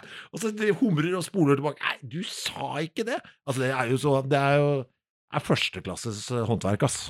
Det er jo det. Det er førsteklasses. Men, men, du, men du har jo alltid vært, du har jo alltid vært eh, veldig opptatt av eh, negativitet. Jeg husker at tidligere jeg ble kjent med Ja. deg, så kunne du, være- du kan være veldig sånn her um, Har du sett den, eller har du lest den, eller har du hørt den? Ja. Og så kom det gjerne, eh, når jeg sa, hvis jeg sa, nei, så sa på, det er så negativt! og sagt med liksom det bredeste smilet i verden. så det var sånn Det at noe var mørkt og Ja. negativt, det var på en måte Det fikk deg bli, da. Ja. Og i det så ligger Du det jo det her òg, tydeligvis. da. Ja, og, og, og, og så tenkte jeg på Så tenkte jeg på Jeg gikk, gikk liksom inn i din egen produksjon. Ja. Så tenkte jeg på, Da har det sånn Trying was my first big mistake. Det er låttitler, da. Jeg vet hva, det er stjålet fra Simpsons. Homer sier det på et Ja, for det eller er annet Siste Bart, ja! Ja, Ja, ja, ja! ja, ja. Ikke se frem, se ned! for det er jo så jævla Det er derfor jeg liker den ekstra Du godt. har stjålet det fra Simpsons, Ja, og da ble jeg så glad. For det var sånn, for da kan, ja, ja, så deilig at du trakk fram den. For det, ja, så det blir sånn dobbelt gøy at, det- for at jeg har stjålet den fra, Fra humor, ja, ikke sant? Ja. Eh, digging my own grave. eh, praying for cancer. ja, den ble god, syns jeg. eh, I drink alone. Og, og ikke minst Don't Even Dare to Care, som også er litt sånn Ja. nihilistisk. Det kunne også, det kunne også vært Homer som, som sa det til Bart. Det var en litt sånn viktig låt, ja. Det var gøy at den for det var jo på Datsun-skiva, den siste skiva vår. Ja, som heter Don't Even Dare to Care, som kom for nøyaktig 20 år siden. 20 år siden. 2003. Det er jo en sånn brobyggerlåt, eh, litt for meg, akkurat den låta der. Fordi den er, for det første, sånn tekstlig, så er den der, som jeg dro med meg inn i eh, Cumshots. Ja. Men så var det jo også den første poplåta, tror jeg, som jeg har liksom lagd sjøl. Eller den er ikke så poppa, men den skiva er liksom så poppet av seg her og der. Ja, ja, den er veldig poppete. Veldig mye mer poppete enn debuten. da. Ja, så den eh, ble en liten sånn frampek til um, Terrifieds og sånn, da. Som er et uh, Annet band ja. popband du hadde som ga ut var, ja, det var liksom, liksom brobyggerskive med det som skulle komme. Uh, Ja, det er, jo, det er jo ti år mellom den og Terrifieds, cirka. Ja. mm. Da syns jeg det er veldig naturlig å trekke inn din egen produksjon, selvfølgelig, som Ja. det var det jeg kom inn på. da, For den- er jo um, Altså, din plateproduksjon er ganske vill. Nå vet jo uh, de aller fleste at du har gjort jævla mye annet. Ja. Altså, du har skrevet bøker, du har lagd TV-serier, du har uh, lagd jævlig mye radio, podkast altså, Du har hatt en sinnssyk produksjon på alle mulige andre ting, Mm. som alene eh, ville vært mer enn det et normalt menneske kunne ha eh, laget. Men samtidig så har du, hvis man, hvis man skyver alt det der bort, da, Ja. som jeg jo velger å gjøre her eh, Jeg begynte å regne på det, og der, der var faktisk sånn Wikipedia og og Discogs veldig lite dekkende, så jeg måtte gjøre sånn detektivarbeid og gå gjennom ting sjøl. Og så tenkte jeg ok, da driter jeg i singler, da. For singler er, så, det er liksom litt i anførselstegn lett å gi ut. I hvert fall nå. Ja. Ja, altså så Doggies har jo faen meg over 40 singler, hvis man regner med de digitale. Ja. 40-45 singler. Altså der det, hver singel har et eget Cover. cover, ja. Mm. Men eh, det som teller da, er jo album. Enig. Og da fant jeg ut at du har gitt ut altså hele album der du er frontfigur, Ja. for at det skal telle, da. Det Ja. Ikke nok at du bare har vært med på noe sånn duplex-gøy. Nei. jeg landa på tallet 45. 45 45 album? fullengdere. Oi. Ja, oi! For du er 52 år, Ja, det var mye. så du er, du er 45? Du er en produksjon som er helt insane. Jeg har jo ikke lagd låtene da, på alt det der. Nei, du har ikke lagd alle låter, men, men altså, det, er, det er en produksjon som er helt spinnvill. Altså, da, Jeg da, har tekstene da, sikkert på de fleste, vil jeg tro. ja, bortsett fra kanskje Mongo Ninja, der det var en Pete Ja, som skrev ja tekstene. Ja, der var lagde jeg bare noen låter her og der, ja. Ja. Mm. Det er jo en helt sjuk produksjon. Ja. Der, der regner jeg litt vennlig om at noen Jeg har gjort en del sånn lange EP-er til Ja. fullengdere, sånn som med Terrifieds og, Ja, og, og Datsun og sånn, der, er- der det er minst titommer, da, for å snakke litt nærdatt. Ja. Men, men vi er da oppe i La oss si over 40, er det hvert fall uansett. Ja. Da tenker jeg at det er ikke så jævlig mange i Norge som kan vise til en like stor produksjon, i hvert fall ikke i dag. Nei, kanskje ikke. Er det et mål i seg sjøl å få lagd ting, eller er det litt vek viktigere at det som kommer ut, er det det er? Det er viktig å bli kvitt disse låtene, uh, fordi rim Jeg blir gæren av jeg, jeg er ikke så glad i ideer som ikke blir noe av. Nei, så du er opptatt av å få materialisert ideene? Ja, hvis jeg syns de er gode nok, da. Ja. Så det er jo det som er en sånn driver der. Ja, nei, det er mest det. Jeg for jeg liker jo ikke å gå i studio, for eksempel. Jeg synes ikke, jeg har ikke- det gir meg ikke noe glede, det. Og så har jeg heller ikke noe, men det gir meg en ro når det Ok, nå er det ute. Nå finnes den. Sånn, greit. Det er den katalog... Jeg er så redd for jeg, Kanskje det, er, det har litt med å gjøre at jeg er så jævla glemsk òg. Jeg vet da faen, jeg. Eller, jeg. Når det fins, så, så fins det. Og da, er det, da blir det ikke da, da, da, Oppgaven er gjort, på en måte. Det ligger som en sånn derre Ja, jeg må jeg få det ut og ned på et eller annet format. Ja, og, det, og der ser man jo også at Altså, du starta jo eh, på første halvdel av 90-tallet med, med, med Gartnerlosjen, Ja. eh, som jo var det veldig første, tror jeg, som du på en måte spilte inn fullengdere med. Altså Ja. den Kremfjes og Due som kom i 94 og 95. Det var jo en tid da vi ble kjent. Ja. Så, og det var jo i CD-tid. Ja. Lite vinyl og sånn på den tida. De har akkurat kommet på vinyl, de, de nevnte platene. Ja, det har de, ja. Men det er jo egentlig på 2000-tallet det eksploderer, den her vanvittige produksjonen. Ja. Eh, og med veldig forskjellige ting. Det er liksom ikke én, det er ikke metal eller pop eller punk, eller du gjør jævla mye forskjellig. Ja. Hvordan er det foregår oppi det hodet ditt? Hva, når du får en låtidé, tenker du umiddelbart at det her må jeg ha et metal-band for å gjøre, eller det her må jeg gjøre i Hvordan fungerer Det har vært litt sånn, i hvert fall når jeg hadde flere ting gående på likt, så var det sånn nå. Nå er vi jo på kontoret mitt, vi sitter jo her. Her, sitter, her ser du, dette er liksom boken med planene, det jeg skal gjøre hver uke, ikke sant? Ja. For dagen her. Og så er det jo, vi sitter her på en torsdag, og så sier jeg, jeg kommer ikke til å rekke det punktet som står her, så jeg var strøket over nå. Så jeg flyttet det over til, eh, hvor har jeg satt den opp neste uke da? Ja, den står på neste uke isteden. Jo, den står på neste torsdag isteden. Der ser du Demorydd, ser du den? Demorydd, ja. Altså da er det ting du har spilt inn med, med, med kassegitar? Det sånn du gjør det? Ja, ja, og da er det fordi da må jeg gå gjennom her, se, det, det er, Dette er alt som er på telefonen, da, ikke sant? Alle, dette er Å ja. Nytt opptak. jeg står det riff. Ja, det, også kan bare... Da, da setter jeg opp lyden. Nei, nei, nei, nei, nei, nei, nei, nei. nei, nei, nei, nei, det kan du ikke gjøre. Men du kan, nei, men bare, bare bla deg ned der, så kan du se liksom For det er et helvete og Å, fy faen, her var det mye det. Ja, og dette må ryddes i. Og låttitler òg. Skrolle fort der, så slipper du å dra hele, for det går ganske langt. The Forest Drank My Piss. Ja, men det går du, hvis du oi, oi, Ja. oi, oi, her var det mye. Ja. Men, så nå jeg, for nå driver jeg og sorterer i den dritten der, for å få det Ja, så nå jeg driver og oppretter en dropbox, det går jo Det er jo, det er jo Fascinerende Her er mye. det, nå, det, det, jeg tror det er 340 eller sånn ting, men det går tilbake til eh, 2011, da. Ikke sant? Og plutselig så 2011, ja.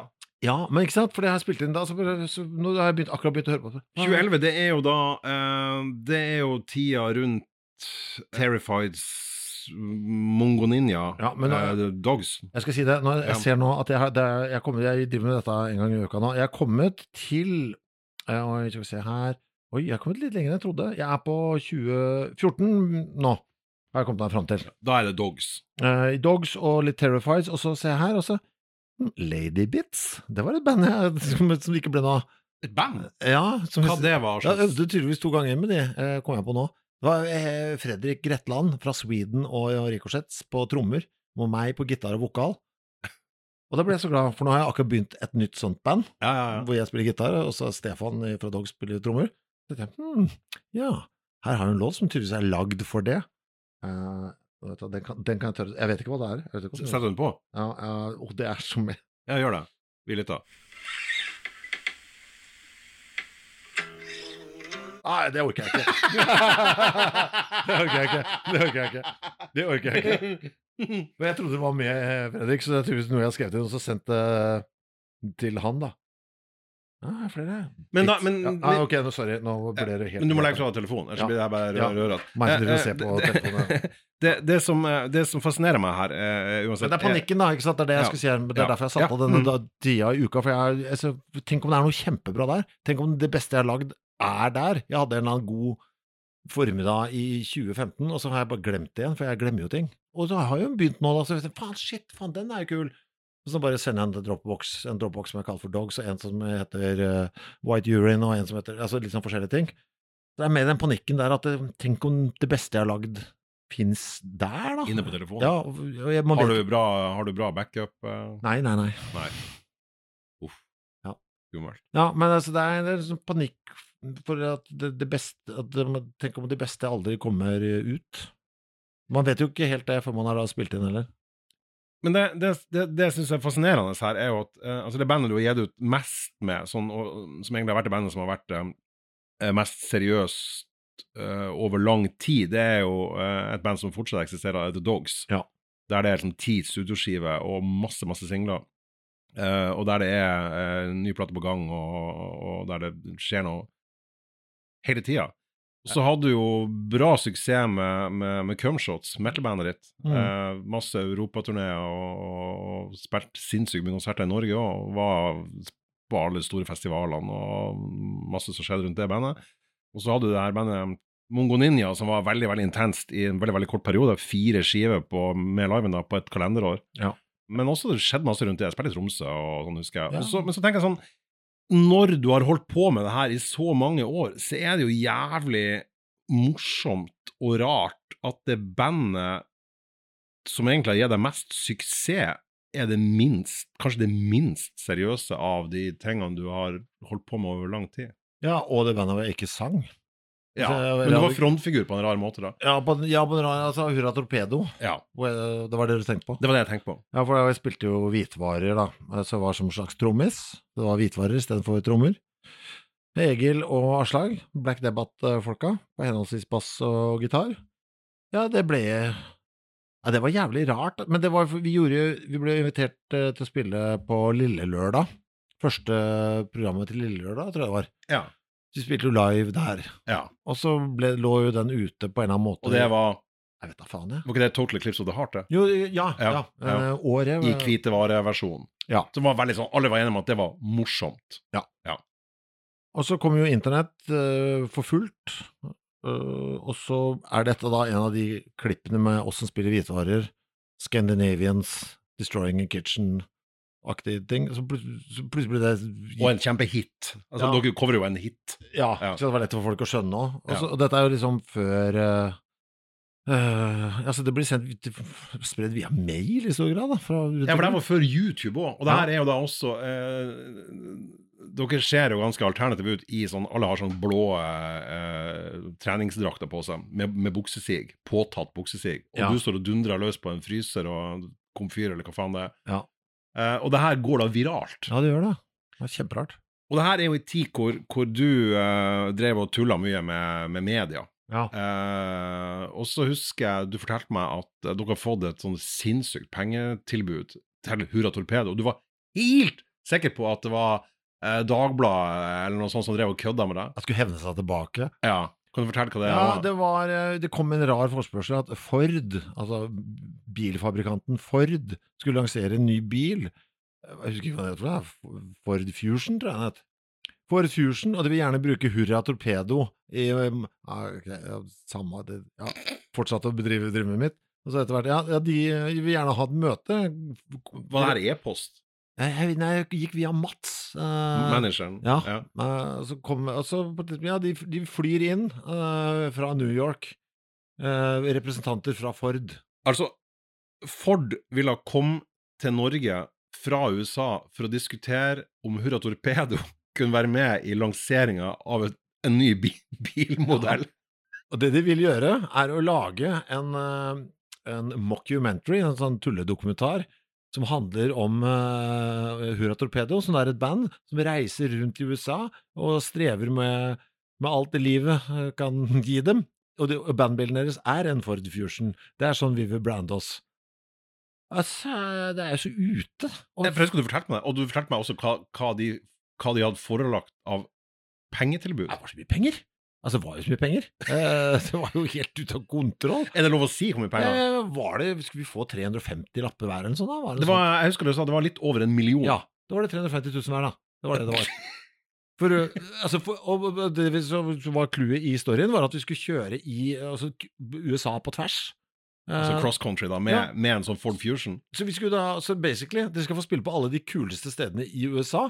Uh, få dekka mat og full service, og også betalt 350 000 kroner. Det er helt Og, det, og så skjer det. Det, det er sant. Det er et kjemperart møte der, vi trodde ikke på det sjøl. De, de skulle egentlig bare møte oss for å se at ikke vi var gale. Var basically Ja, og så husker jeg du sa til meg at dere, dere, dere hadde insistert på å ha det møtet på Last Train. Ok, Og så dette husker jeg ikke nå. ja, nei, eh, Og du hadde altså så panikk for at det her var iscenesatt av noen som Og du var til og med sånn Er det her autentiske amerikanere? Eller er det noen sånn norsk-amerikanere som bare kledde seg ut som advokater? Men det var reelt, da. Ja, det var reelt, ass. Og vi husker vi kjø... Ja, så vi dro jo ja, over, det var rigg, vi hadde jo en egen nightliner, bare vi tre. For, uh, for vi var the talent, som du kaller det. Det var så flaut òg, vet du. Where's the talent? Over here, over here. Og med egen sjåfør der, og, og så var det så kjørte liksom crewet, det var, det var det rigg, liksom. Det var to svære nightliner med personell, og så var det en som måtte kjøre en lille Ford Fusion fra sted til sted og sette opp scenen og Det sånn. må jo koste så jævlig mye penger! Helt inn i helvete. Og så var det jo Og så var det gigs hele veien. Konsert, konsert, konsert. Så første konserten var jo i New York eh, sammen med Public Enemy og eh, Juliette Lewis. Så, så det, og vi tusler rundt, tusler rundt. Det var noen flere òg. Ikke Drive By Truckers, men uh, det var noe ja, Hva faen. Ja, de delte jo backstage. Sånn Det er Public Enemy! ja, for det var sånn, eller sånn catering bak der. Og vi går med der ræva halvveis ut. Vi var jo i character hele tida, vi. Bare sånn just in case. Ja, liksom. gikk i de, i de blå Ja, med rumpa halvveis hengende utafor, og så rumpesprekk og Husker jeg sto ved siden av Juliette Lewis og forsynte meg med noe tunfisk. Så halve ræva ute og Nei, det var helt ute. Nei, jævla, det var jævla rart, ass. Og så spilte dritfette venues. Vi spilte å, og det var masse rare steder. Vi spilte jo blant annet på Fridge Henge. er, fortell, eh, fortell, fortell hva det er. Det ligger på Los Alamos i New Mexico. Uh, Det er en fyr som har bygd en Stonehenge-kopi av kjøleskap oppå hverandre, sånn sju meter høye, sånn tårn med kjøleskap, i en sånn sirkel, akkurat tro kopi av Stonehenge. Men åpningen i Fridgehenge vender mot eh, der den første prøvesprengningen var av atombomben. Det er sånn, det er sånn fredsgreie. Men dette er jo på 2900 meter eller noe sånt nå, og det ligger drithøyt det på Grand Canyon. Det er Fridge altså det var, altså det var jo så det var helt um... Altså, jeg ble så sliten. Ja, for det var så litt tynn luft, da. Tynn luft, jeg skulle spille hvitvarer, liksom, oppå der. Og mens de filma, så klarte én låt måtte, Alt var rart. Og, fra tvers over hele driten. Og festivaler, faen. Men, men, jeg, husker jo det her veldig godt. For det, det, som var, det som var sykt, var på denne tida så var det jo Så var jo norsk rock og sånn i ferd med å gjøre det, liksom. Ja, Eh, hva, hva er årstallet her, cirka? jeg veit ikke. For skiva deres kom jo i 2006, men det er før det, tror jeg. Ja, Kanskje 2005 eller noe? Ja, der i hugget. Um, og så er det altså det bandet som du har minst ambisjoner med, Ja. som da blir sendt til USA på en USA-turné. Det var ikke jævla vanlig. Nei, det var det var liksom Turbo og Glue og et par black metal-band og sånn som hadde gjort det der. ja, Og kom hjem med masse penger. Som ingen gjorde. Ja, men spilte på noen, noen kjente venues òg. Ja, vi gjorde det, ass. Jeg husker jo ikke hva det heter, ass, men det var jo Ja, det var svære steder av og til, ass. Og festivaler og Ja, men når Jo, folk faen, så vi på det jo på den, hva heter det, Warp. Den Warp-turen, vet du. Eh, Der, det var Blink og sånn spiller. På sånn, eh, der. Husker vi spilte sammen med de derre eh, Valiant Door og sånn. Eh, der. Det var, det, det var Ja, det var, det var svære greier, liksom. Men hva, hva, hva, hva var reaksjonen? Du står da og spiller på hvitevarer. Ja, Hva- hva er reaksjonene? Nei, de, det tror jeg er veldig forståelig, da, ikke sant. De skjønner jo. Altså, det, er, Mm. det er ikke noe du ikke kan skjønne. Der, er, så er jo, sånn livemessig så kommuniserer du godt med folk som ikke skjønner hva det er òg. Så det fungerte såpass bra at vi dro over og gjorde en egen turné året etter. Vi kjørte mot... dere var på to turneer? Ja, så vi dro tilbake. Ja, faen, Så vi dro, stemmer vi dro eh, for da hadde vi alle Da var dere headliner. Ja, det var oss. Så vi gjorde en eh, USA-tur, ja, som gikk eh, bra. Ja, bra, rett og slett. Eh, vi gjorde det to ganger. Og da, da fikk vi også plutselig jævla mye Øst-Europa etter det. Vi spilte jo i Slovakia og Tsjekkia en del, og Polen, og gjorde, fikk sånne rare eventer som jeg tror det var Google eller noe sånt, i Polen som hadde oss Vi spilte i Warszawa på en sånn der, sånn Silicon Valley-aktig greie. Og ja, Og pengene rant inn. Ja, akkurat på de, ja, på de eventene Vi gjorde jævla Vi fikk jo gode eventhyrer, da. Ja. Men eh, Slovakia sånn, det var ikke gode hyrer. Altså. Men det var jo Altså, vi solgte jo ut sånn 600 kapp venues i Praha og sånn. Det var jo Ingen skjønte noen ting. Spilte Ungarn også. Helt uh, I Ungarn så var jo nasjonal deres versjon av NRK. Møtte jo opp og filma giggen. Og det var med kran, TV-kraner og For dette skulle de ha, liksom. Dette Ordentlig produksjon på det. ja, ja, og så lagre i arkivene. Eh, det var jævla rart. Ja, og det merkelige er jo at eh, Slovakia, vi, unnskyld, gjorde flere, nei, vi gjorde det flere ganger. For det, det, var sånn, det, kunne vi ha, det hadde vi nok fortsatt med om eh, jeg hadde tålt det sånn fysisk. Da. Ja, for det var jo ekstremt fysisk krevende. Ja, ja, det gikk utover kroppen. Men dere spilte jo også på Dere solgte jo ut sånn type sånn Rockefeller Ja. og Sentrum Scene sånn, i Norge også, med det her. Ja, det var jævla høye hyrer opp oss på slutten. Altså. Og Øyafestivalen og Ja, det var, det, det var sånn 300 000 kroner og sånn for å spille, liksom. Det var jo helt, helt latterlig, liksom. Det er så morsomt, og det er så rart. Ja, Jeg har sånn, jeg har sånn trøbbel med å tro på det ennå, ja, for, også for, at det er så rart. Ja, og så skal jeg Ja, det blir gudskjelov filma, da, den der eh, USA-turen, så det fins en DVD derfra. Det er kult at noen gadd å gjøre det, så har det som et minne, i hvert fall. Mm. Og så en annen ting som jeg syns er morsomt med eh, bandet Datsun, som da var, Ja. som da var et bitte, bitte, bitte lite band, eh, Ja. som ga ut to, to skiver. Mm. Og eh, var det én eller to sjutommere? Det var flere? I hvert fall to, Ja, for den Don't Even Dare To Care kom jo i verste CD, da det ikke ble lagd vinyl. Ja, men den første singelen er jo i hvert fall uh, Den Bangerang Bang Rang, There ja. Goes My Ass. Ja. Den, uh, ja, var på hit me, det. Hit me, ja. Og så Veldig, veldig viktig plateselskap. Tune Pink One and the Stink kommer på slutten der. Det er kanskje det siste, var det mellom Det var der? det jeg som ga ut, Ja, på rosa vinyl. den var flott, den. Ja. Knut Vidar på coveret, Ja, 100 X. som spiser kylling. Ja, stemmer det. Men så husker jeg dere spilte på noe sånne her um, Det var en sånn garasjefestival som gikk, eh, gikk rundt, Herregud. som heter Gearfest. Stemmer det. Og der spilte Datsun som det minste bandet på Rockefeller på en sånn, en sånn scene som lå Når du sto vendt mot scenen, så lå den inntil venstre, i et sånt rom der inne. Ja, Der hvor de ofte selger merch nå. Ja, hvis man er stemmer på det, ja. Rockefeller. Mm. Der husker jeg at eh, du, var, du regnet med at du var så jævlig forbanna for at Rockefeller hadde uh, krevd penger for Eller krevd bandet penger for eh, Dere fikk ikke honoraret, som var ganske lite, jeg tror det var 5000 eller noe sånt, og Mm. så skulle de ha mer Du, du hadde ødelagt en mikrofon, mente jeg, Mm. så dere var skyldig dem penger. Ja. Og det gikk ikke helt sånn som de hadde venta. Jeg var ikke enig uh, i det. Uh, der mente jeg at så, Vi spilte jo for ingenting, liksom. Uh, så skulle de ha penger for den For den hadde bare dette i gulvet, den mikrofonen. Det var det. Og de mente at det var nok til at da måtte de ha ny. Uh, der, det var ikke bulken engang. Nei. Jeg ble så jævla forbanna. De nekta å fire på det. Så da meldte jeg de til Konkurransetilsynet eller Forbrukerombud. eller- Økokrim eller noe sånt. Økokrim Jeg tok alle, tror jeg. Fordi de, de, jo ikke, de tok jo ikke De bare la på billettavgiften på det tidspunktet uten å skatte av det, vet du. På billettene sine. På billettene. Altså, det hadde de gjort lenge, så sa jeg fra til de om det. Og så skattemyndighetene. meldte de inn. Nei, men jeg husker ikke helt åssen det gir men ja, de måtte vel begynne å si det, da. Ja, nå de måtte begynne å oppgi det og Ja, betale og skatt. betale på det. skatt. Ja, Så ja, den, den mikrofonen koster dem, dy- koster dem dyrt. Skal jeg vise deg noe? Den er, Ja. det, jeg har den Jeg bruker den fremdeles, vet du. Du har mikken, ja, for du krevde å få mikrofon. Ja, selvfølgelig. Og det er den! Ja, nå Oi, oi! Den så brukt ut. Den bruker jeg Det er fast live Nå Nå ser den jo ganske sliten ut. Men den bruker jeg fast nå. Eh, Jeg vil jo si at hvis, hvis den så sånn ut da, så vil jeg si at det var en ganske god sak. Jeg skal ta bildene og legge ut Ja, på for nå ble jeg usikker på om den faktisk så sånn ut, da, for da har den, da har den jo Da har du kanskje fått seg en liten smell, da. Men det er jo den, jeg, den bruker jeg med White Urine, vet du. Det nye bandet ditt. Ja, altså jeg insist, For den mikken her, det er min mic. Altså, så Så du bruker den ennå? ja, ja. Den, ja. den fungerer? Klart den fungerer.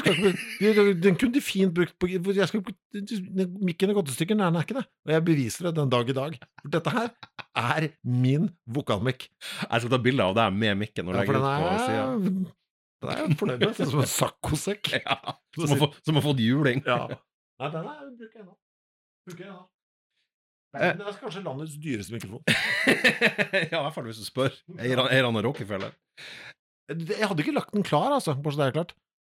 Den bare lå her. Ja, det, ja, Ja, det, ja, det, for det er mikken din. det er der den ligger. Ja, bare, så- Herregud, det er fordelen med å sitte på er- kontoret, vet du. Det er Ja, faen, har her er sikkert Hurra torpedoboka òg, vet du. Ja, har du den? Hva, er det den, den bildeboka? Har du den? Nei! Du kan få i gave, vet du. Åh! Nå går alle journalistiske, etiske prinsipper rett i Ja, nå går det her Men den må du faktisk ha, for den er ganske fet. Ja, Jeg har glemt å- Den burde jeg egentlig Faen, jeg burde egentlig ha bladd i den før vi begynte å snakke, for da hadde Jeg har bare lest det forordet du skrev som ikke kunne brukes. I den? Ja, det får meg Askehus å gi den ut. Du skrev, du skrev et helt ellevilt forord til den boka, Hva var det som handla om Øystein Ronander. Stopp! Stopp! Ikke si meg Nei. Ja, ok. Men du, Kristoffer, nå, nå, nå, nå er du helt nede i roteskuffa. Det er ulempen med å sitte hos meg. det, det er drawbacken. Når jeg nevner en sånn voldsom produksjon da, på, på, på musikk som du har hatt, så syns jeg det er kult å høre om det er noe du har lagd som du tenkte at det der skulle du Det der skulle jeg ønske at jeg gjorde på nytt eller annerledes. Er det noen, har du noen sånne band eller plater du tenker at det der skulle jeg bare droppa? Ja, jeg syns de siste Cum-skivene er dårlige. Eh, Cum-shot-skivene. De to siste, Just Ja. Quit Trying og A Life Less Jeg, blir- jeg syns de blir uh, gradvis dårligere etter hvert, men det er ikke Men det syns ikke folk. Altså, folk syns jo Basen syns jo at de blir bedre og bedre, altså de som er fans der. Men jeg burde stoppet det fordi det, det var mer Det er mer kanskje innspillings... At jeg gikk med på en del De ble for progga for meg, da. Det var veldig teknisk. Ekstremt Ja, teknisk. veldig proggete der, så jeg burde vært litt hardere i klypa om å få det litt sånn, sånn som jeg likte, da. Mm. Men på en annen side, skal jeg gidde å angre på det? For det, folk, det, de skrivene betyr noe for noen folk, da. Mm. Så på en annen side, kanskje det er bra, da. Mm. Men Altså, det er jo det som er noe rart med Når du spiller en skive, så tror jo man ofte at Å, den låta her eh, Å, faen, det er den her som Dette er låta, liksom. Og så hører, får, vi tilbakemelding, så er det Nei, det er dette som er låta. Det er denne vi liker.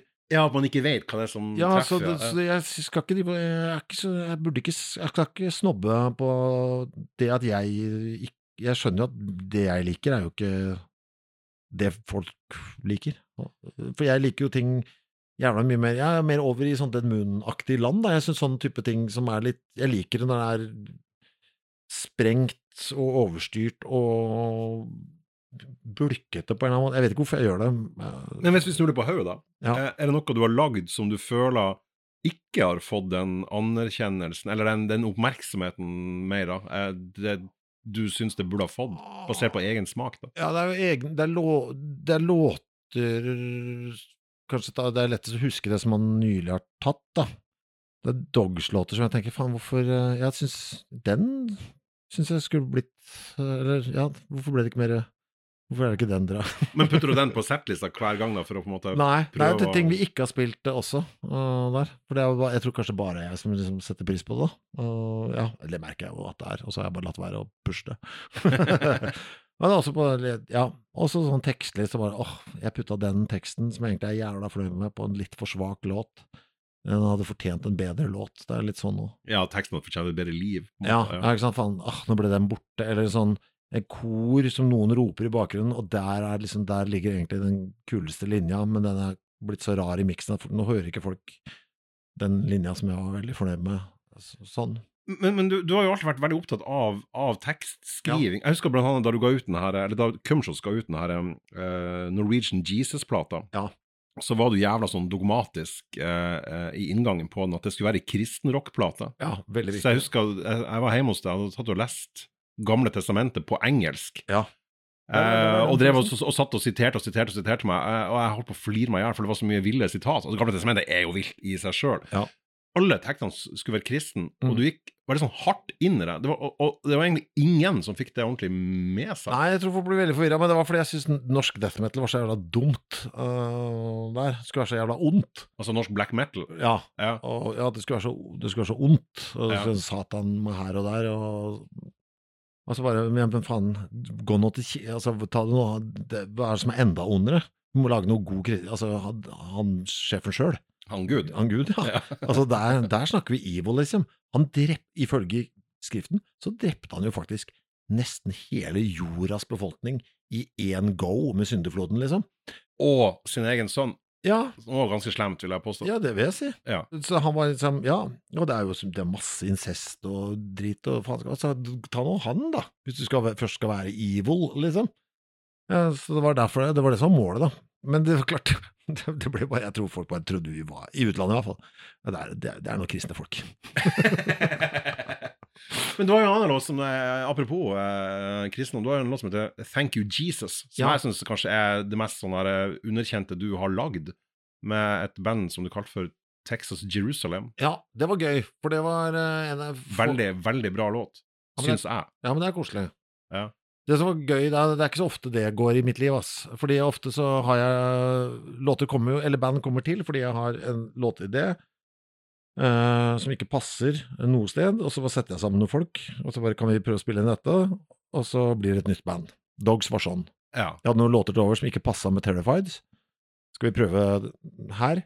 Og så prøvde jeg med noen folk, og så ble det til Dogs. Ok, Så Dogs er egentlig sånn art by accident, da? Ja, for da plukka jeg, så plukka jeg folk som jeg hadde lyst til å spille med, da. Ja. Der, og så bare Oi, ble, nå ble det så gøy. Og så ble det, men så klart så låt det jo ikke sånn som jeg hadde sett for meg i hodet mitt. Det låt som noe annet, men ble fett. Men med Texas Rusestrøm så ble det eneste gang det har skjedd, at jeg hadde en idé, og så ble det faktisk låtene ut som jeg hadde sett det for meg i huet mitt. Ja, og der har du jo med deg Morten Lunde fra Cosmic Booger Tribe og Mormons, og du har med deg Torgeir Valdemar, som korer helt fantastisk på den. Han er god, ass. Og det er en veldig, veldig sånn melodiøs Tander-låt. Ja, og så er det Ollis på trommer, Ja, fra Black Debate. og, Og, og Mats på bass fra Mongo Ninja og også Dogs. mm.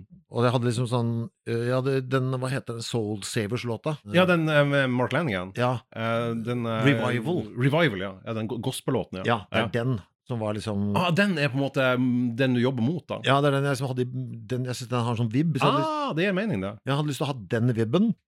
Eh, så sikkert der litt teksten kommer også. At det var gøy å holde det litt sånn kristent i, i lyden der. Men det er klart det er jo ganske antireligiøst hvis du hører litt etter. Men, men også hadde jeg liksom Jeg, syns Olis er så god på trommer. Han er en forferdelig underkjent trommis, han Olis. Ja, veldig. Jeg synes Når han slår i Black Debba, så tenkte jeg hvorfor, hvorfor spiller ikke du tromme i flere band? Han er jo jævlig god gitarist, men som trommis Ja, helt enig. Ja. Så jeg ville ha han der, og så ville jeg ha stemmen til, til Valdemar og liksom kassegitargreiene hans. Og så vil jeg ha Jeg syns Morten Mormon er så jævla god når han bare får være fri, så jeg sa han bare tenk Ry Cooder. Og så bare være Ry Cooder dritten ut av dette her. Ikke bare, bare fri sånn, Jeg tror han spilte seks soloer liksom bare sånn helt fritt. Bare, bare kos deg, liksom. Så, og, så, og så ble det altså, så ble den sånn som jeg hadde håpa. Det er veldig rart. Men det ble jo bare med den ene singelen. Ja, den er veldig fin. Du har jo spilt med utrolig mange. Eh, alt fra Simone i D-Sound til folk som har Du jobber med Helicopters, du har spilt med trommisen i Emperor, du har spilt med Torgeir Valdemar, Guddebandet Søgli-folk, Ricochet-folk, Incense, Blood Tsunami, Wonderfools, Black Debate, bla, bla, bla. Um, er det noen sånn av de folkene her du er ekstra stolt av å jobbe med? Mm, oi. Mm, det var rart. Det har jeg ikke tenkt på. Hvem skulle det ha vært? Al- Alle disse, liksom? Det var det, det som kom ut av hodet mitt. da. Ja, ja, ja. Begynner jeg, begynner jeg automatisk å tenke, er det noen som ikke lever lenger? Som jeg kan tenke, så bra at jeg rakk det. Uh, nei, jeg, jeg synes det har vært Jeg er glad for at jeg bare har fått lov til å møte jævla mye folk. Det som er så koselig, synes jeg, med de bandgreiene. Det er sånn Nå har jeg holdt på så lenge, så nå vet jeg neste gang det dukker opp et sånt behov. Ja. tenker, Oi, faen, han der, og mm, ah. Eller altså, sånn småplukk som eh, Når vi gjorde Oslo med eh, den låta Oslo Med Dogs. med Dogs, så hørte jeg for meg den Amulet-låta, hvor han roper Aslo! Aslo! altså, jeg er bare glad for at man liksom har levd så lenge at jeg liksom kan ringe til Torgny i Amulet. Kan du bare komme bort til studio og bare rope? Ja, for han roper deg i, Ja. i innspillinga. Ja, Ja, bare, altså, det er mer sånn uh, takknemlighet, tror jeg, eh, enn noe annet.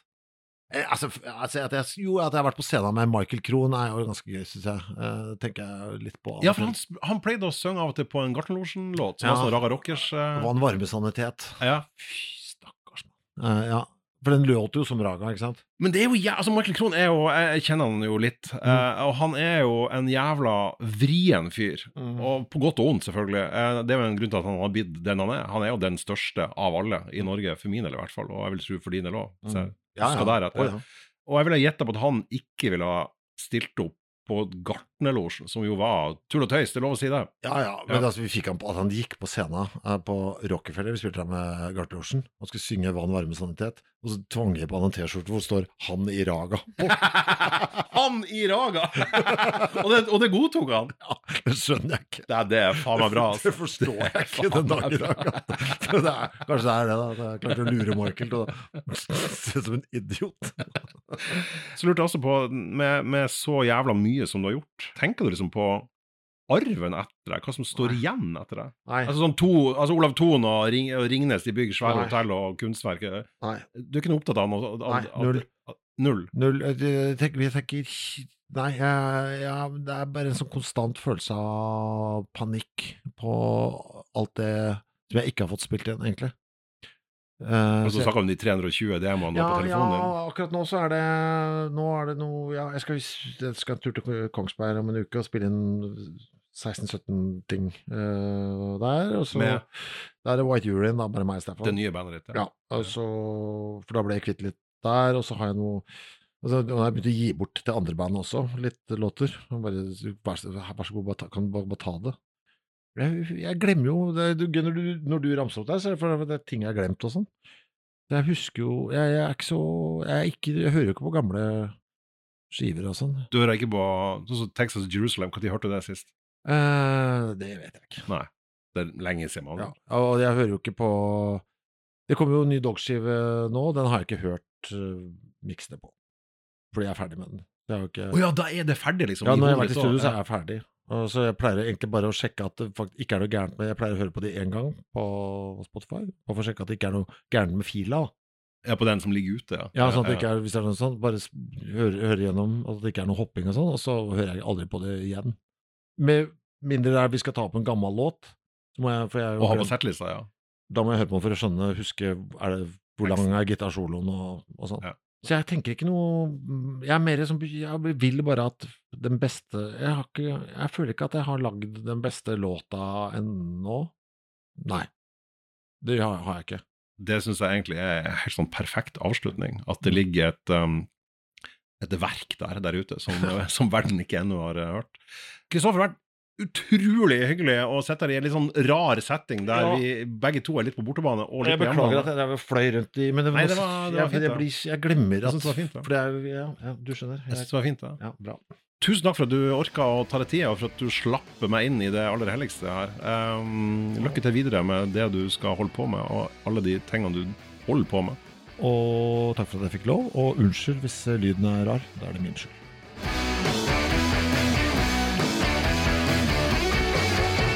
Feedback er en podkastserie fra avisa i Tromsø. Produsenten for sendinga var han Svein Lian, og jeg heter Egon Holstad. Husk også at vi lager spilleliste der all musikken som nevnes i sendingene legges til. Og de finner du på hjemmesiden til Tromsø i feedback-seksjonen, der du også finner anmeldelser av plater, anmeldelser av konserter, samt intervjuer, liste og masse annet aktuelt musikkstoff.